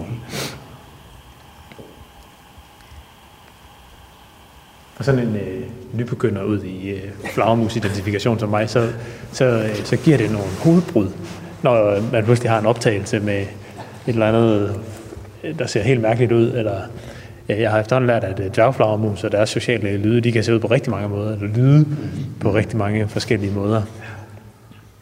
Det er, så, øh, noget af det er jo nærmest sang. Jamen det er det, altså, det kan man godt kalde det. Øhm, og, så, og så nogle af de sociale lyde kan vi, kan vi også, også bestemme til art. Øh, ja. Lærke nævnte, øh, hvad hedder det, øh, skimmelflagermusen, som er rimelig almindelig inde i Aarhus, og ja. som man hører om efteråret her. Øhm, men dværgflagmusen har også et rimelig karakteristisk revir, kald eller sang. Ja. Men pipistrelflagmusen, det er stort set det samme. så. Nej, men man må tage et skridt ad gangen. Ja. ja. Jeg får lige Og lyst ja, til at, det er svært. Undskyld. jeg, jeg får bare lige lyst til at spørge ind til noget, du sagde uden for inden vi herind, Morten, det her med, at når de er i dvale, så bliver deres kropstemperatur sådan helt ned omkring 6 grader. Ja. Altså, hvad, hvordan fungerer det helt fysiologisk? Det er jo sådan helt uforståeligt, at et pattedyr kan blive så koldt, og så ikke dø af det. Øhm, altså, er det bare at sætte sin krop sådan helt i stå? Altså, hvordan, hvordan gør de det? Det ved jeg faktisk ikke. Det er sikkert også øh, komplekst, kunne jeg forestille mig. altså, det er jo noget, de kan, og pulsen går ned og så videre. Og de gør det, og det, de gør det jo for at spare energi. Ja. Øh, fordi ellers ville de ikke have, have fedt nok til at, at, at leve hele vinteren, når der ikke er mad. Men det er jo ret, øh, du er jo ret i, altså, vi, vi ved med, med os øh, andre pattedyr, os to bene, ikke? Vi, vi gør altså ikke tåle øh, den, den ho- helt store kropstemperatursænkning, uden det, det giver skader. Nej, det er jo lige Men det. det, det, det kan flagermusen ja. altså. Det er virkelig fascinerende. Ja, man ser det jo også, også hos andre Ja, ja, pattedyr, andre, der går i går, Ja. går, går i dvale mm. eller i. Eller, øh, det, men det, det er jo bare det er jo super fascinerende, at det kan lade sig gøre. Mm. Naturen er fascinerende. der er mange løsninger. Men Morten, nu, nu nævnte du, at der er, der er fem arter herinde. Ikke? Ja. Øhm, og så har vi, øh, vi har i alt 17, og du har nævnt, at der også er et par stykker måske, der flyver sydpå. Mm. Øh, hvad med resten? Dem, der ikke er i kalkgrupper, og dem, der ikke flyver sydpå, hvor overvintrer de? De kan overvinde i bygninger. Øh, inde på lofter eller i hulmure eller sådan noget. Ja. Øh, I kælder under Kronborg, ja. som jo minder meget om det her ja. i, i, i, i miljø. Ikke? Øh, Bunker. Ja, bunker. Ja. Tyske bunker. Øh, Der finder vi også de samme arter som her. Der hørte vi en flagmus. Ja. Øhm, og så er der faktisk også nogen, der forsøger at overvintre i træer. Okay. Øh, det er sådan... hvis, hvis vi får en kold vinter, så er det jo ikke så god en strategi. øh, for de kan altså ikke tåle at blive frosne. øh, Det må være, altså jeg kan, godt, jeg kan godt forestille mig, at det her nede, altså hvor det er så stabilt et miljø, mm. øh, den, der må, det må også være sådan et relativt nemt sted, var jeg lige vil sige, at gå i dvale, fordi man, der er 6 grader eller eller andet, 8 grader eller hvad der nu er, ikke? og mm. konstant luftfugtighed og sådan noget. Men hvis man sover i, i et træ, så, så svinger, øh, ændrer miljøet sig vel hele tiden, og temperaturen svinger svinger mere, op og ja. ned, og Ja. måske også fugtigheden og sådan noget. Det må, det må, være, det må være sværere eller mere krævende for organismen at, at Ja. overvintre sådan et sted, eller hvad? Kan man sige det, noget det? det er jo så også måske nogle lidt mere robuste arter, og der er også tilfælde, hvor de fryser ihjel. Ja. Øh, det sker selvfølgelig. Men er der noget med, altså vågner de, vågner de lettere op, hvis, øh, hvis der er en dag i januar, hvor det pludselig er 10 grader, eller, eller Det er jo så det, man har fundet ud af med de her detektorer, fordi nu, den her det er en håndhold, der er rigtig god, men man kan jo også have nogle detektorer, der bare ligger og lytter ja. af sig selv. Og man har faktisk fundet ud af, at der er flagermus, der flyver rundt midt om vinteren. Ikke hvis det er for koldt, men, men de, de er ude at tjekke, om det er blevet forår, eller måske fordi de, de havde det for koldt, eller var blevet for sultne, eller hvad Ja. ja. var, så skal de lige ud og tjekke. Øhm, Jamen, jeg har stået og spekuleret på, om altså sådan noget, klimaforandringer er jo noget, man taler om hele tiden, og i alle sammenhænge og sådan noget. Øh, nu har vi et meget varmt efterår i år. Hvis det sådan er en, er en tendens, så kan man godt forestille sig, at de går senere i dvale. Ja. Fordi, og så, så, så bliver overvintringsperioden måske kortere, men på den anden side, så kan det også være, at temperaturen om vinteren er varmere, så de måske bruger mere energi, eller hvad? Eller det gør de måske ikke. Ja, altså, det, det, er jo, det, det kan jo påvirke diverse artsgrupper på, på, på mange forskellige måder. Jeg vil sige, så længe der er mad, og så længe de kan få mad nok. det er helt afgørende. Men problemet er selvfølgelig, hvis de vågner op. Øh, så her med efteråret, der er der jo også stadig insekter osv. Ja. Øh, men, men det er selvfølgelig et problem, hvis det bliver for varmt om foråret, og de vågner, før insekterne kommer i gang. Ja. Øhm, og så selvfølgelig herinde, der skal det nok være rimelig stabilt og køligt, men, men man kan også forestille sig nogle af de andre lidt mindre, øh, mere eksponerede overvindingssteder, ja. hvor der, der kan det måske også gå ind og blive for varmt. Øhm, så kan man håbe, de kan flytte sig et andet sted hen. men jeg vil faktisk sige, et andet problem, det kan jo også være, hvis vi får mere regnfyldte øh, sommer. Mm. Altså heroppe i den nordlige del af Europa, der vil vi nok ikke se så, så store effekter i første omgang. Det er nok lidt mere sydpå, hvor de har meget varme og får tørkeperioder. Det, hvis det betyder noget for flagermus, eller for insektmængden, så betyder det selvfølgelig også noget for flagermusene. Øhm, men sådan mere ustabilt, ustadigt vejr om sommeren, hvor du har perioder med meget kraftig regn, Det betyder altså også, at de er nødt til at holde sig hjemme, som, som Søren sagde. Hvis det regner, så flyver de ikke ud. De, de bliver våde, og det er pattedyr. De skal holde øh, 37 graders kropstemperatur. Det kan de ikke, hvis de bliver plaskvåde. Vi andre kommer også til at fryse, men de her de er altså ikke mere end 10 15-20 gram, så de køler meget hurtigt ned. Og de der store hudflapper, de har som, på armene, de køler også rigtig hurtigt. Øhm, og som jeg vist nævnte før, altså de kan godt gå i dvale, om, eller en, en knap så dyb dvale om sommeren, og spare energi på den måde, hvis der er sådan en uge, hvor det, hvor det er dårligt vejr. Men ungerne kan ikke.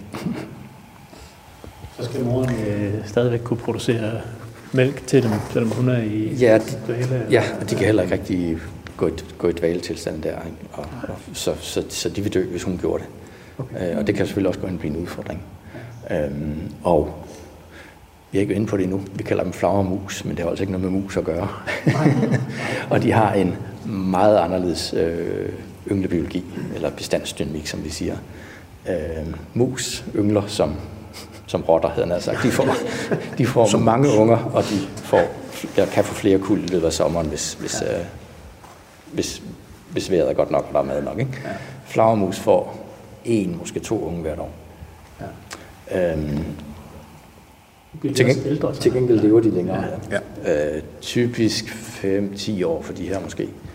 Øhm, man har ringmærket flagermus, som når 40 år. Okay, hold. Ja. Ej, det var meget. Og det er, øh, der er en brændsflagermus, som vi altså har her, som er blevet registreret som værende 40 år gammel. Og det er jo ret tankevækkende, at det er en af de første, der går ind i dvale, og en af de sidste, der kommer ud. Ja. Er, det kan godt være, at den er 40 år gammel, men den har altså snok stået i de, de 20.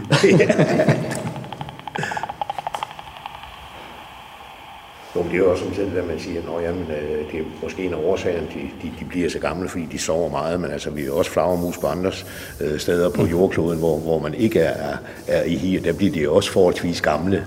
De bliver i hvert fald ældre end, Ja. end, øh, end musen, ikke? Ja, ja men altså, det er jo, det er sagt, igen, naturen finder Ja. ja. måder, Ja. hvor, hvor, hvor man kan få det til at køre på, og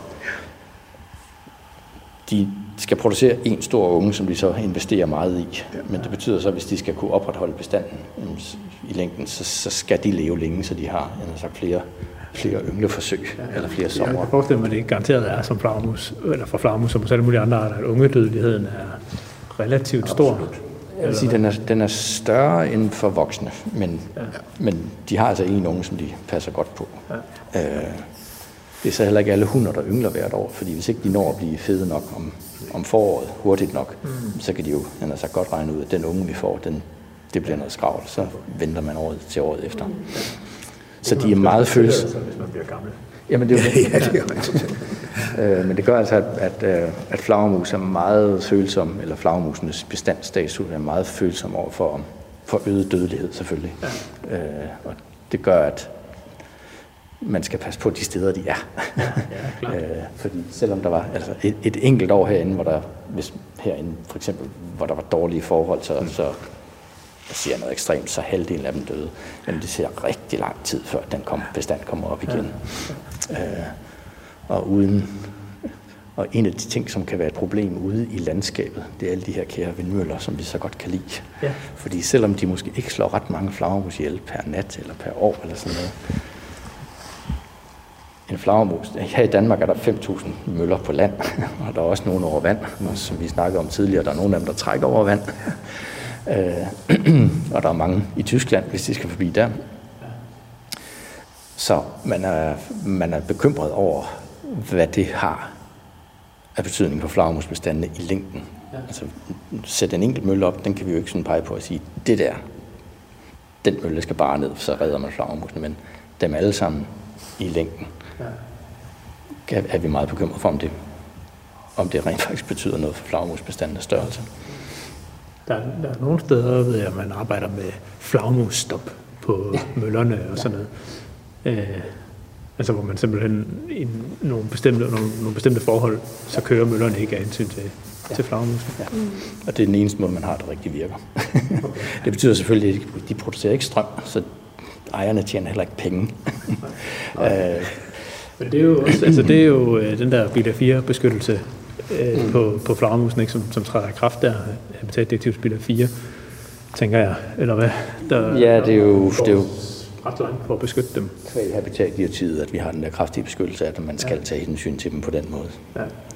Øh, Og også på, også på, på, på land, altså med de trafikale forhold, der har vi også fået et sted, hvor man nedsætter hastigheden i, på nogle Ja, det bestemte rigtigt. tider på grund af, at flagermusen altså trækker ja. øh, henover øh, kører. Er det ikke nede ved Silkeborg? Så ja. jo, jo. Ja. Hvor stor, øh, hvor stor et problem er trafikken for, øh, for flagermus? Det er heller ikke. Øh, det er måske mere, lo- altså, det kan være meget lokalt, og der kan det ved Gud være et problem. Øh, men der, der er engelske undersøgelser, som, hvor man simpelthen kan se, at der, jo længere væk du kommer fra en trafikeret vej, og vi snakker altså kilometer her, jo mere aktivitet er der af flagermus. Og det er korrigeret for hvad forskellige habitater, der er, altså om det er skov eller det er åben mark osv. Øh, om det er støjen, der skræmmer dem, det kan man jo håbe på. Om det er fordi, at øh, der bliver klippet en flagermus hver nat på den vej, de nu målte på. Det kan vi heller ikke sige, men øh, det har en eller anden effekt, og vi snakker altså kilometer på de store veje. Ja.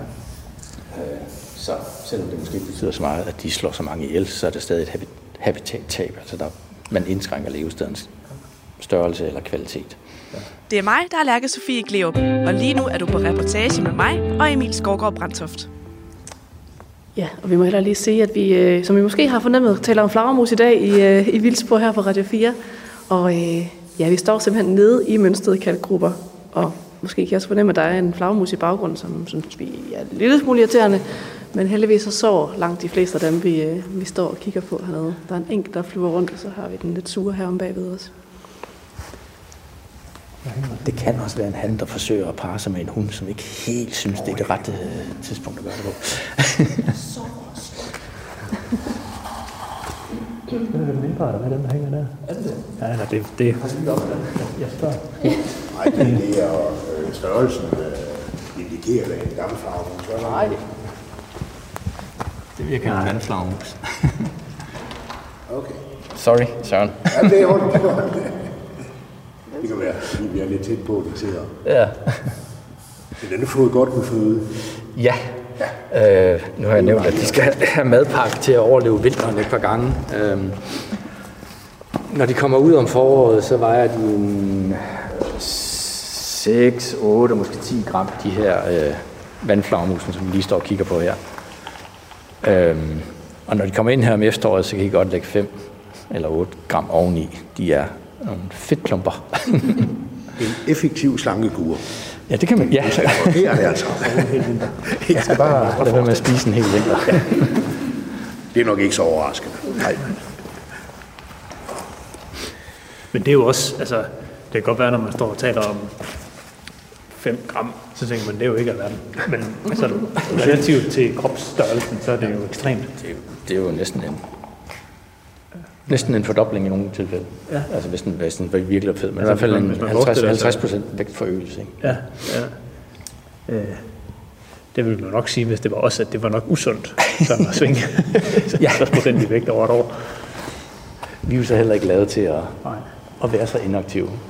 Men hvis vi lige skal prøve at tale om noget, som ikke kan flyve, men altså en grævling, de, de er aktive her i Danmark, er de også aktive om vinteren, men hvis man så længere nordpå, øh, så, så er de jo også inaktive.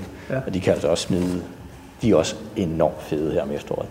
Ja. Øh, og, og der er jo heller ikke så meget mad til dem om, om, om vinteren, og der smider de altså også en 20-30 procent kropvægt. Ja. så det er ikke kun flagermus, der gør det, men de er simpelthen pinligt nødt til det, for der er, der er ikke noget som helst mad om, om vinteren.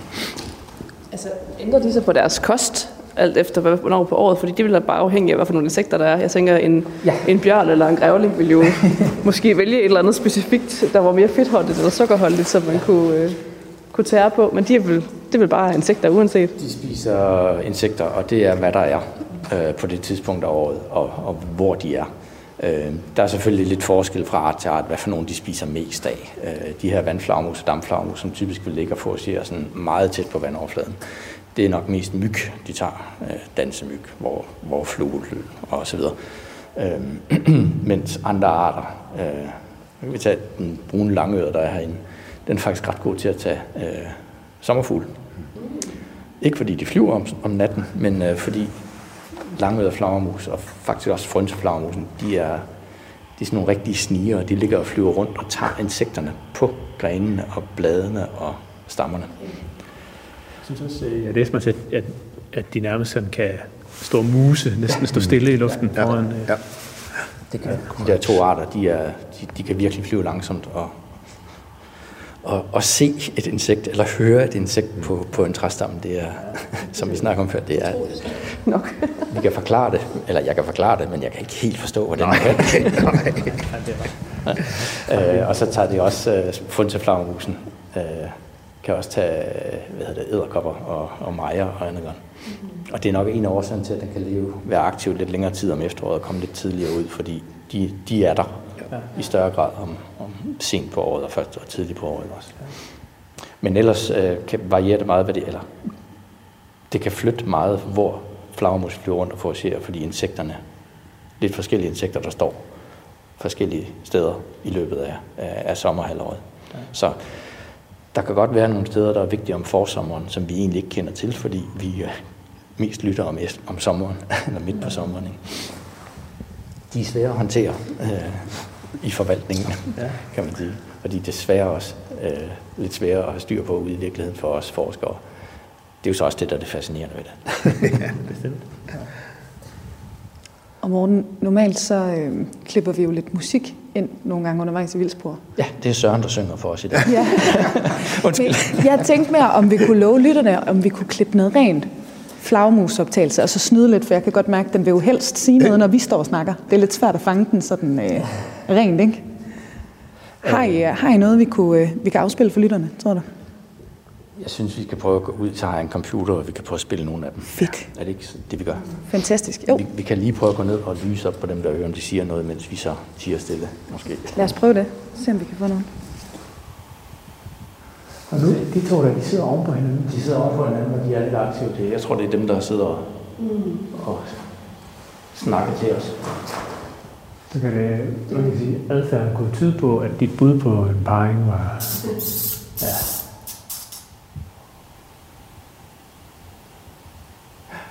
Nu står jeg også og lyser på. Det kan de også mærke. ja, og de kan vel se, eller hvad? Øh, oh, det er godt, du spørger om det. Ja, flagermus er ikke blinde. de ser. Ja. Ikke lige så godt som en, en rovfugl, men de, de bruger også synet. ja. Øh, gode kolleger i Odense på Syddansk Universitet. Arbejder meget med, hvad de siger og hvad de får ud af det. Og de har også prøvet at lave øh, eksperimenter, hvor flagermusen skulle reagere på, på lys, altså ja. på synet. Ja. Og det lærer de også. Ja, Så okay. de ser udmærket. Ja. De har bare en sans, vi ikke har, eller kan bruge, kan, kan bruge hørelsen som, på en måde, vi ikke kan. Siger med ørerne. Ja. Ser med ørerne, ja. Og når nu vi, altså, vi mennesker er utrolig fokuseret på vores syn. Ja. Vi kan jo også høre, vi kan også lugte osv. Øh, og der findes faktisk blinde mennesker, som har lært sig selv at gå og klikke. Øh, de, de kan selvfølgelig ikke, det er ikke lige så præcist som det her, men, men de kan godt gå rundt uden at, at falde over en bænk eller, eller se, om der er noget foran dem.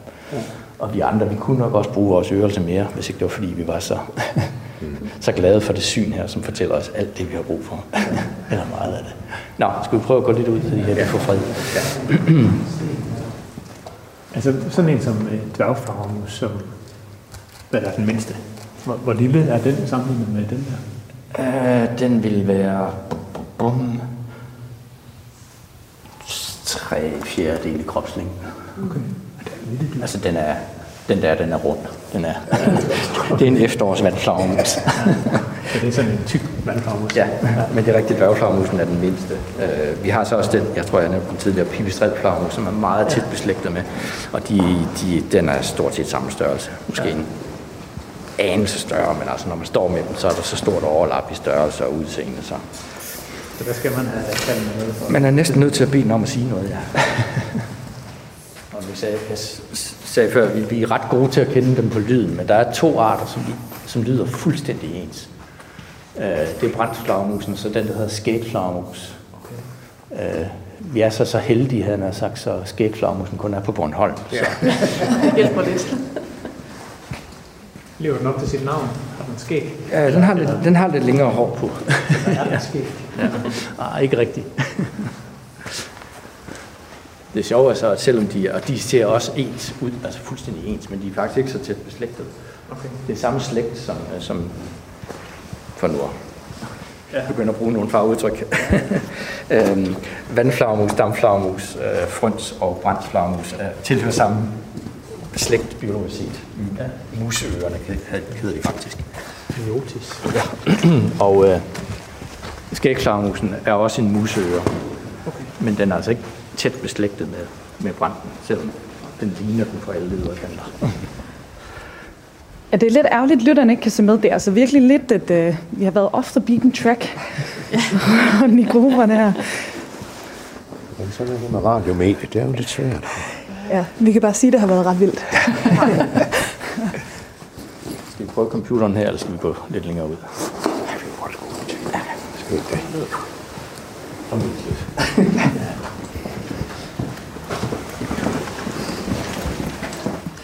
Fornuftigt. Nå, Ja, du har lidt lyd til os, eller hvad, Morten, så vi kan Ja. høre, øh, hvordan de egentlig lyder. hvordan de lyder, når vi spiller dem 10 gange langsommere. Ja, 10 gange altså. Jeg kan prøve at spille lidt forskellige arter. Nu hørte, vi hørte dem derinde med detektoren. Der satte jeg bare frekvensen 10 gange ned. Men det er jo lynhurtigt, ikke? Ja. Øh, nu spiller vi så nogle af de optagelser, vi laver, når vi overvåger dem, eller undersøger dem. Og der spiller vi det altså også 10 gange langsommere, så det er selvfølgelig også nemmere at fornemme, om der er øh, 90 millisekunder eller 130 millisekunder imellem skrigen. Ikke? Ja. Jeg vil sige, at vores hørelse, når vi står derude, når man, man lærer det jo efterhånden, når man står derude, og hvad det er for nogen, man har hørt, og så går man hjem og tjekker, jo, det var den, og så videre. Og vores hørelse er altså bedre, end vi umiddelbart tror. Der er selvfølgelig forskel på, hvor, hvor musisk man er, og jeg skal ikke sige, at jeg er specielt musisk, øh, men Man kan øve sig i det. man kan faktisk det øve sig i det, og vi ved som regel godt, hvad det er, vi kommer hjem med, når vi har stået derude. Mm. Men vi har en optagelse, så vi kan dokumentere det også. Og så også nogle af alle tvivlsspørgsmålene, eller tvivlstilfældene, siger, okay, det var sådan, ja. Nå. øh, nu skal vi selvfølgelig lige prøve at finde nogle af dem, der er herinde. Det vil jo være mest smart, ikke? Der. Det er tre dampflagermus, der ligger og fokuserer. Og det er så en, vi, har et, vi står og kigger på en computer, nu, hvor jeg har et program, så vi kan se skrigen, altså spektrogram, som vi siger. Så hen ad, hen ad x-aksen her, der har vi tiden, og så har vi frekvenserne heroppe af, og så har vi, står vi og kigger på noget, noget gult noget med nogle røde streger på. Og de røde streger, det er flagermusgriner. Dem hører vi nu. 10 gange nedsat i hastighed. Og 10 gange nedsat i hastighed og frekvens, ja. Så. Jo, den starter vel bare.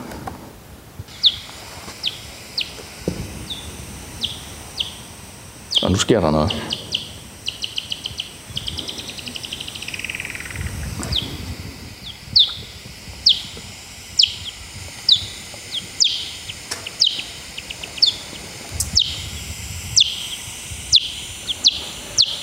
Og sådan fortsætter den. Hvad, hvad skete der der? Ligesom, øh, Ja, det der er meget hurtigt, sådan, drrrr, der er den ved at fange et insekt. Den har fundet et eller andet, som den er ved at, som den vil undersøge nærmere. Øh, og hvis du så lige skal hen og fange det, så skal du selvfølgelig have rigtig meget information meget hurtigt. Så den er tæt på et insekt der, og forsøger at, at manøvrere efter at, fange det. Jeg skal ikke kunne sige, om den gør det. Øhm, og så hører vi altså sådan et chip, chip, chip. Øh, og nu er der, der er tre, fire flagermus her alt i alt, som, ja. som ligger og flyver rundt. Men det er sådan noget, som vi står og lytter til, som du også har prøvet. Og så er det, man kan finde nogle enkelte af de her skrig, vi siger, at det der, det kan kun være den flagermus. ja. Øh, de andre her i, i, i bosset, som vi kalder det, det, det kunne være valgflagermus, det kunne være stort set alt sammen, ikke? fordi, ja. som jeg sagde før, det er ikke... Flagermusen bruger de her skrig til at orientere sig. Ja. De har deres sang til at fortælle, hvem jeg er, ligesom fuglesang, men ellers så er det skrig, de laver om, afhængig af, hvad de har brug for. Og alle flagermus har de samme udfordringer, når de skal fange et insekt, så derfor så er det samme slags skrig, de laver. Du er ved at spørge om noget.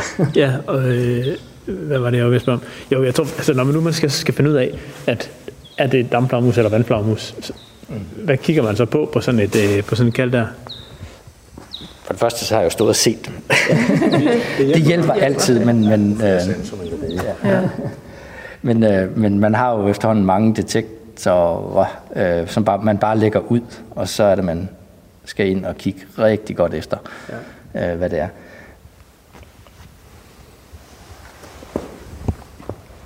Det jeg kigger efter her, de, de, de er lidt store, det er den samme individ, og så er der et andet individ, der flyver rundt lidt ude bagved. Når jeg ser sådan et skrig der, det falder i frekvens, og så er der sådan lige en, en, en kraftig klat ned omkring 32-35 kHz, hvor det trækker en lille smule ud, og så dropper det igen. Altså så ja. falder frekvensen igen ja. lige efter. Det er kun dampflagermus, der kan sige det. Det er kun dampflagermus. Eller, ja. Det er det, vi bruger til at sige. Det er en dampflagermus. Alt det andet der, det er jo så sikkert også dampflagermus. De har bare fløjet rundt og været ved at fange noget osv. Man kan også se, at de andre, der er en, en, en lidt længere vægt derinde bagved, det kommer. Ja. Dropper. Og det er jo nemt at se, når jeg siger det, men øh, skal jeg prøve at vise forskel til noget andet. Ja. Og mens du lige finder den frem, så øh, kan vi jo lige sige til lytterne, at de lytter til øh, Vildspor på Radio 4 i Nørdehjørnet, hvor vi øh, nørder flagmus i dag. Og øh, Morten Elmeros fra Aarhus Universitet, du er i fuld gang med at finde øh, endnu en optagelse frem. Endnu en optagelse. Det her er en frønseflagermus.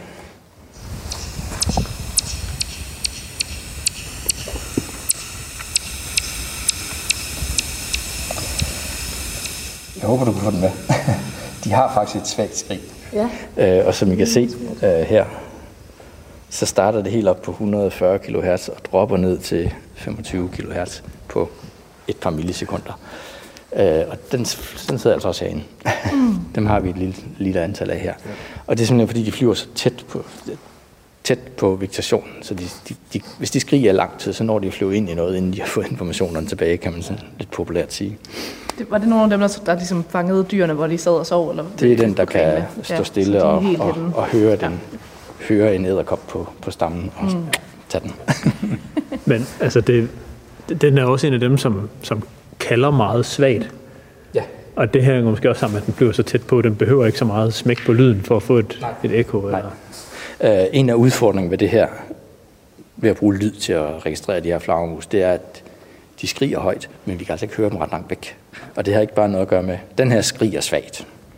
Øh, men øh, brunflagermus og skimmel og sådan andet godt, øh, som, som ligger og flyver højt og ude i det åbne luftrum, altså de ligger snil op i 50-100 meter, øh, brunflagermus i hvert fald, de skriger højt. De skriger mm. faktisk med over 100 dB. Det ødelægger vores hørelse, og også deres, hvis ikke de øh, skruer lidt ned for hørelsen, mens de skriger. Men fordi det er ultralyd, så falder energien i det meget, meget, meget, meget hurtigt.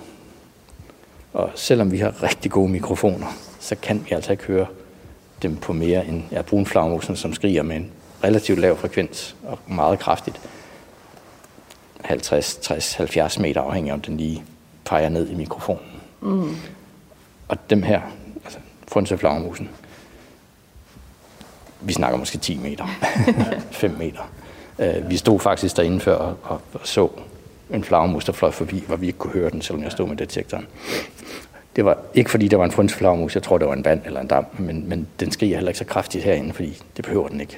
Men ellers skriger det selvfølgelig så højt som muligt, for selv at have så, så langt et, et syn mm. som muligt. Så. Den der hastighed, øh, eller hvad skal man sige, afstanden mellem skrigene, der er vel også noget med, hvor lang tid det tager for ekkoet at komme tilbage og sådan noget, så den ikke forstyrrer sin egen lyd, og, eller hvad? Hvor hurtigt kommer sådan et ekko tilbage til... Ja, det er jo lydhastigheden, øh, som er 300 meter i sekundet, cirka.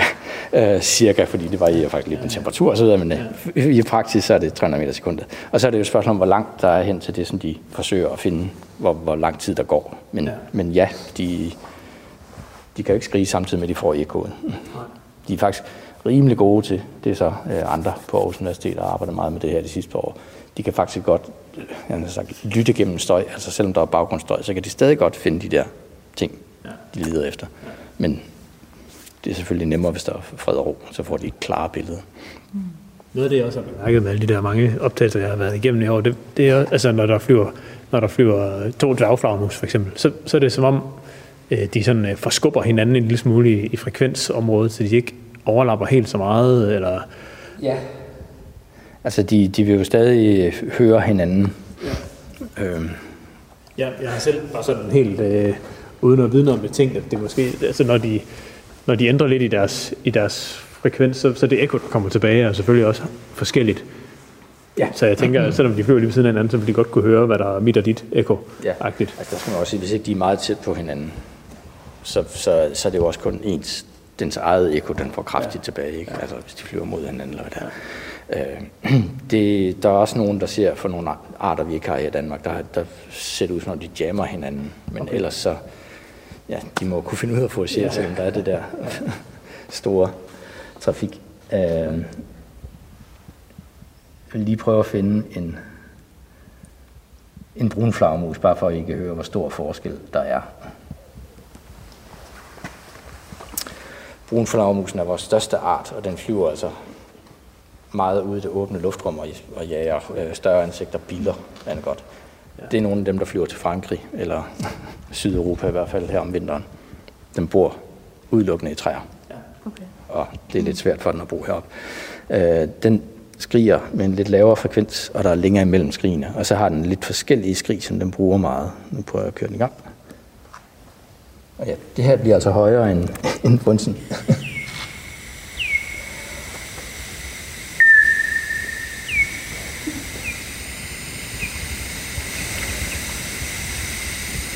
Og her der er der næsten et sekund imellem. Det var så mindre.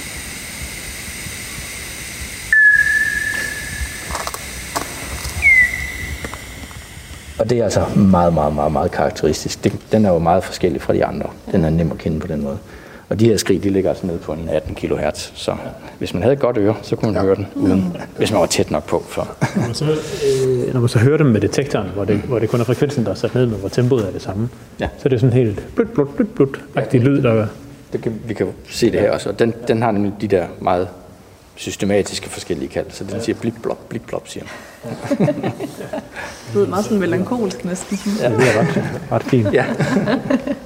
Men det er så, når den flyver rundt ude i fri luften. Altså, hvis den ligger i jager nede i 3-5 meters højde. så går det. ja. Men ser du billeder?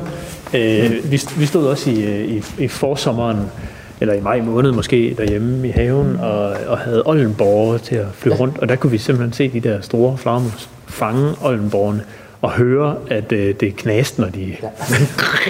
når sådan en flagermus fik fat i sådan en, øh, altså bare med det blotte øre uden øh, detektor, eller noget, skulle vi simpelthen se og høre, når de fangede de der Oldenborg der. Det var altså ret fantastisk. Ret fantastisk. Jeg, jeg, jeg har desværre ikke selv oplevet det, men det er netop brunflagermus, som kan være rigtig gode til det, og de må på en eller anden måde følge, eller de følger hinanden rundt, og ja. ikke fordi de, de foragerer jo alene, men selvfølgelig hvis de kan høre, der er nogen, der ligger og så har succes. Så. Ja.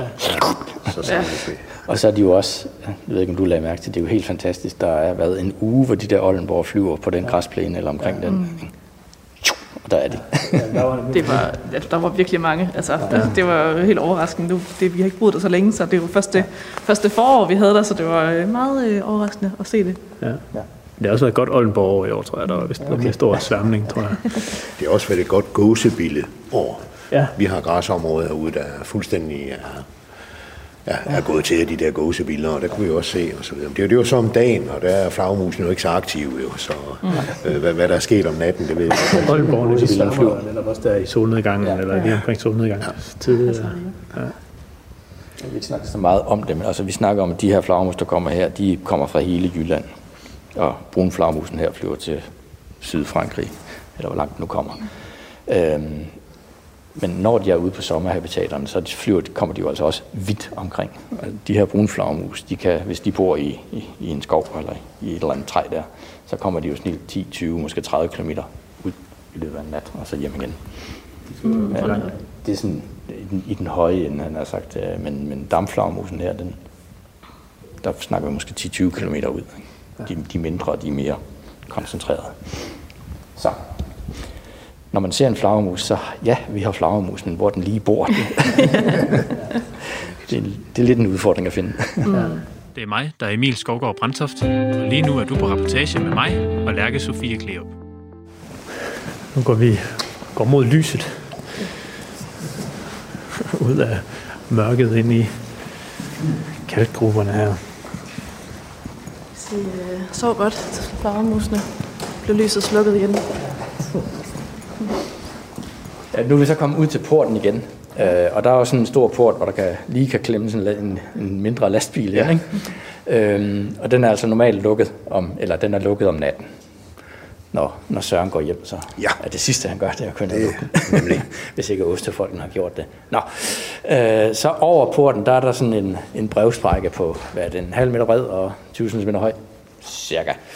Ja. Øhm, det er der, alle de flagermus, vi har set, og alle dem, vi ikke har set, skal ud igennem.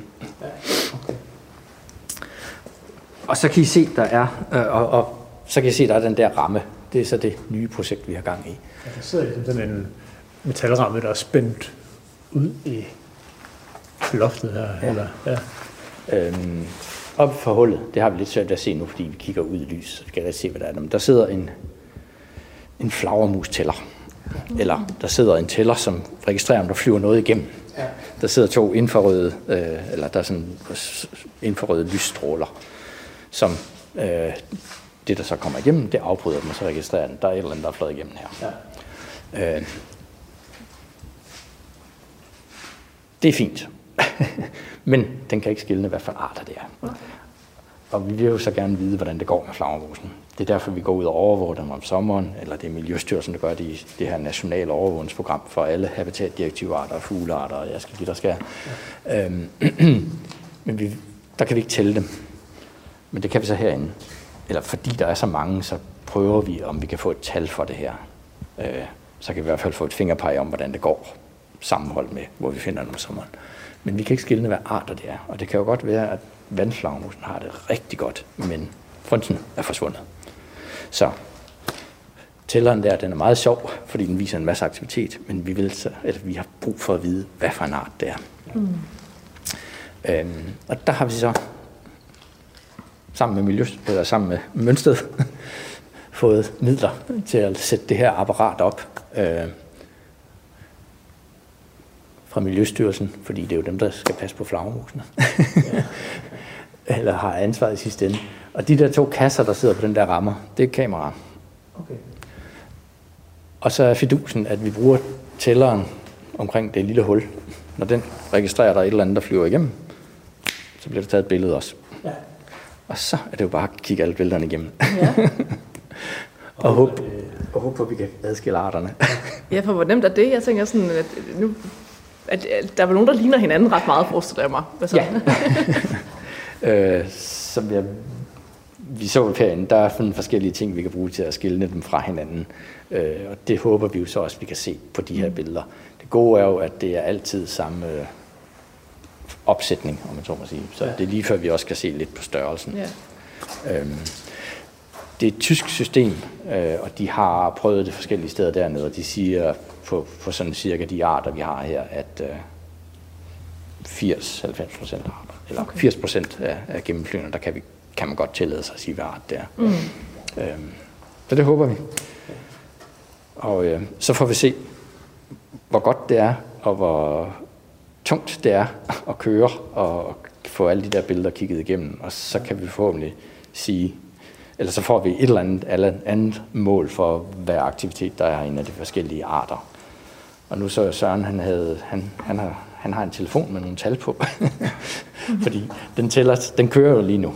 Mm. Eller den kører om natten, hvor der er aktivitet. Ikke? Og, ja. og, og øh, vi får data, eller Mønsted får data fra ham, der har sat systemet op for, hvor mange ting, der er fløjet igennem hver nat.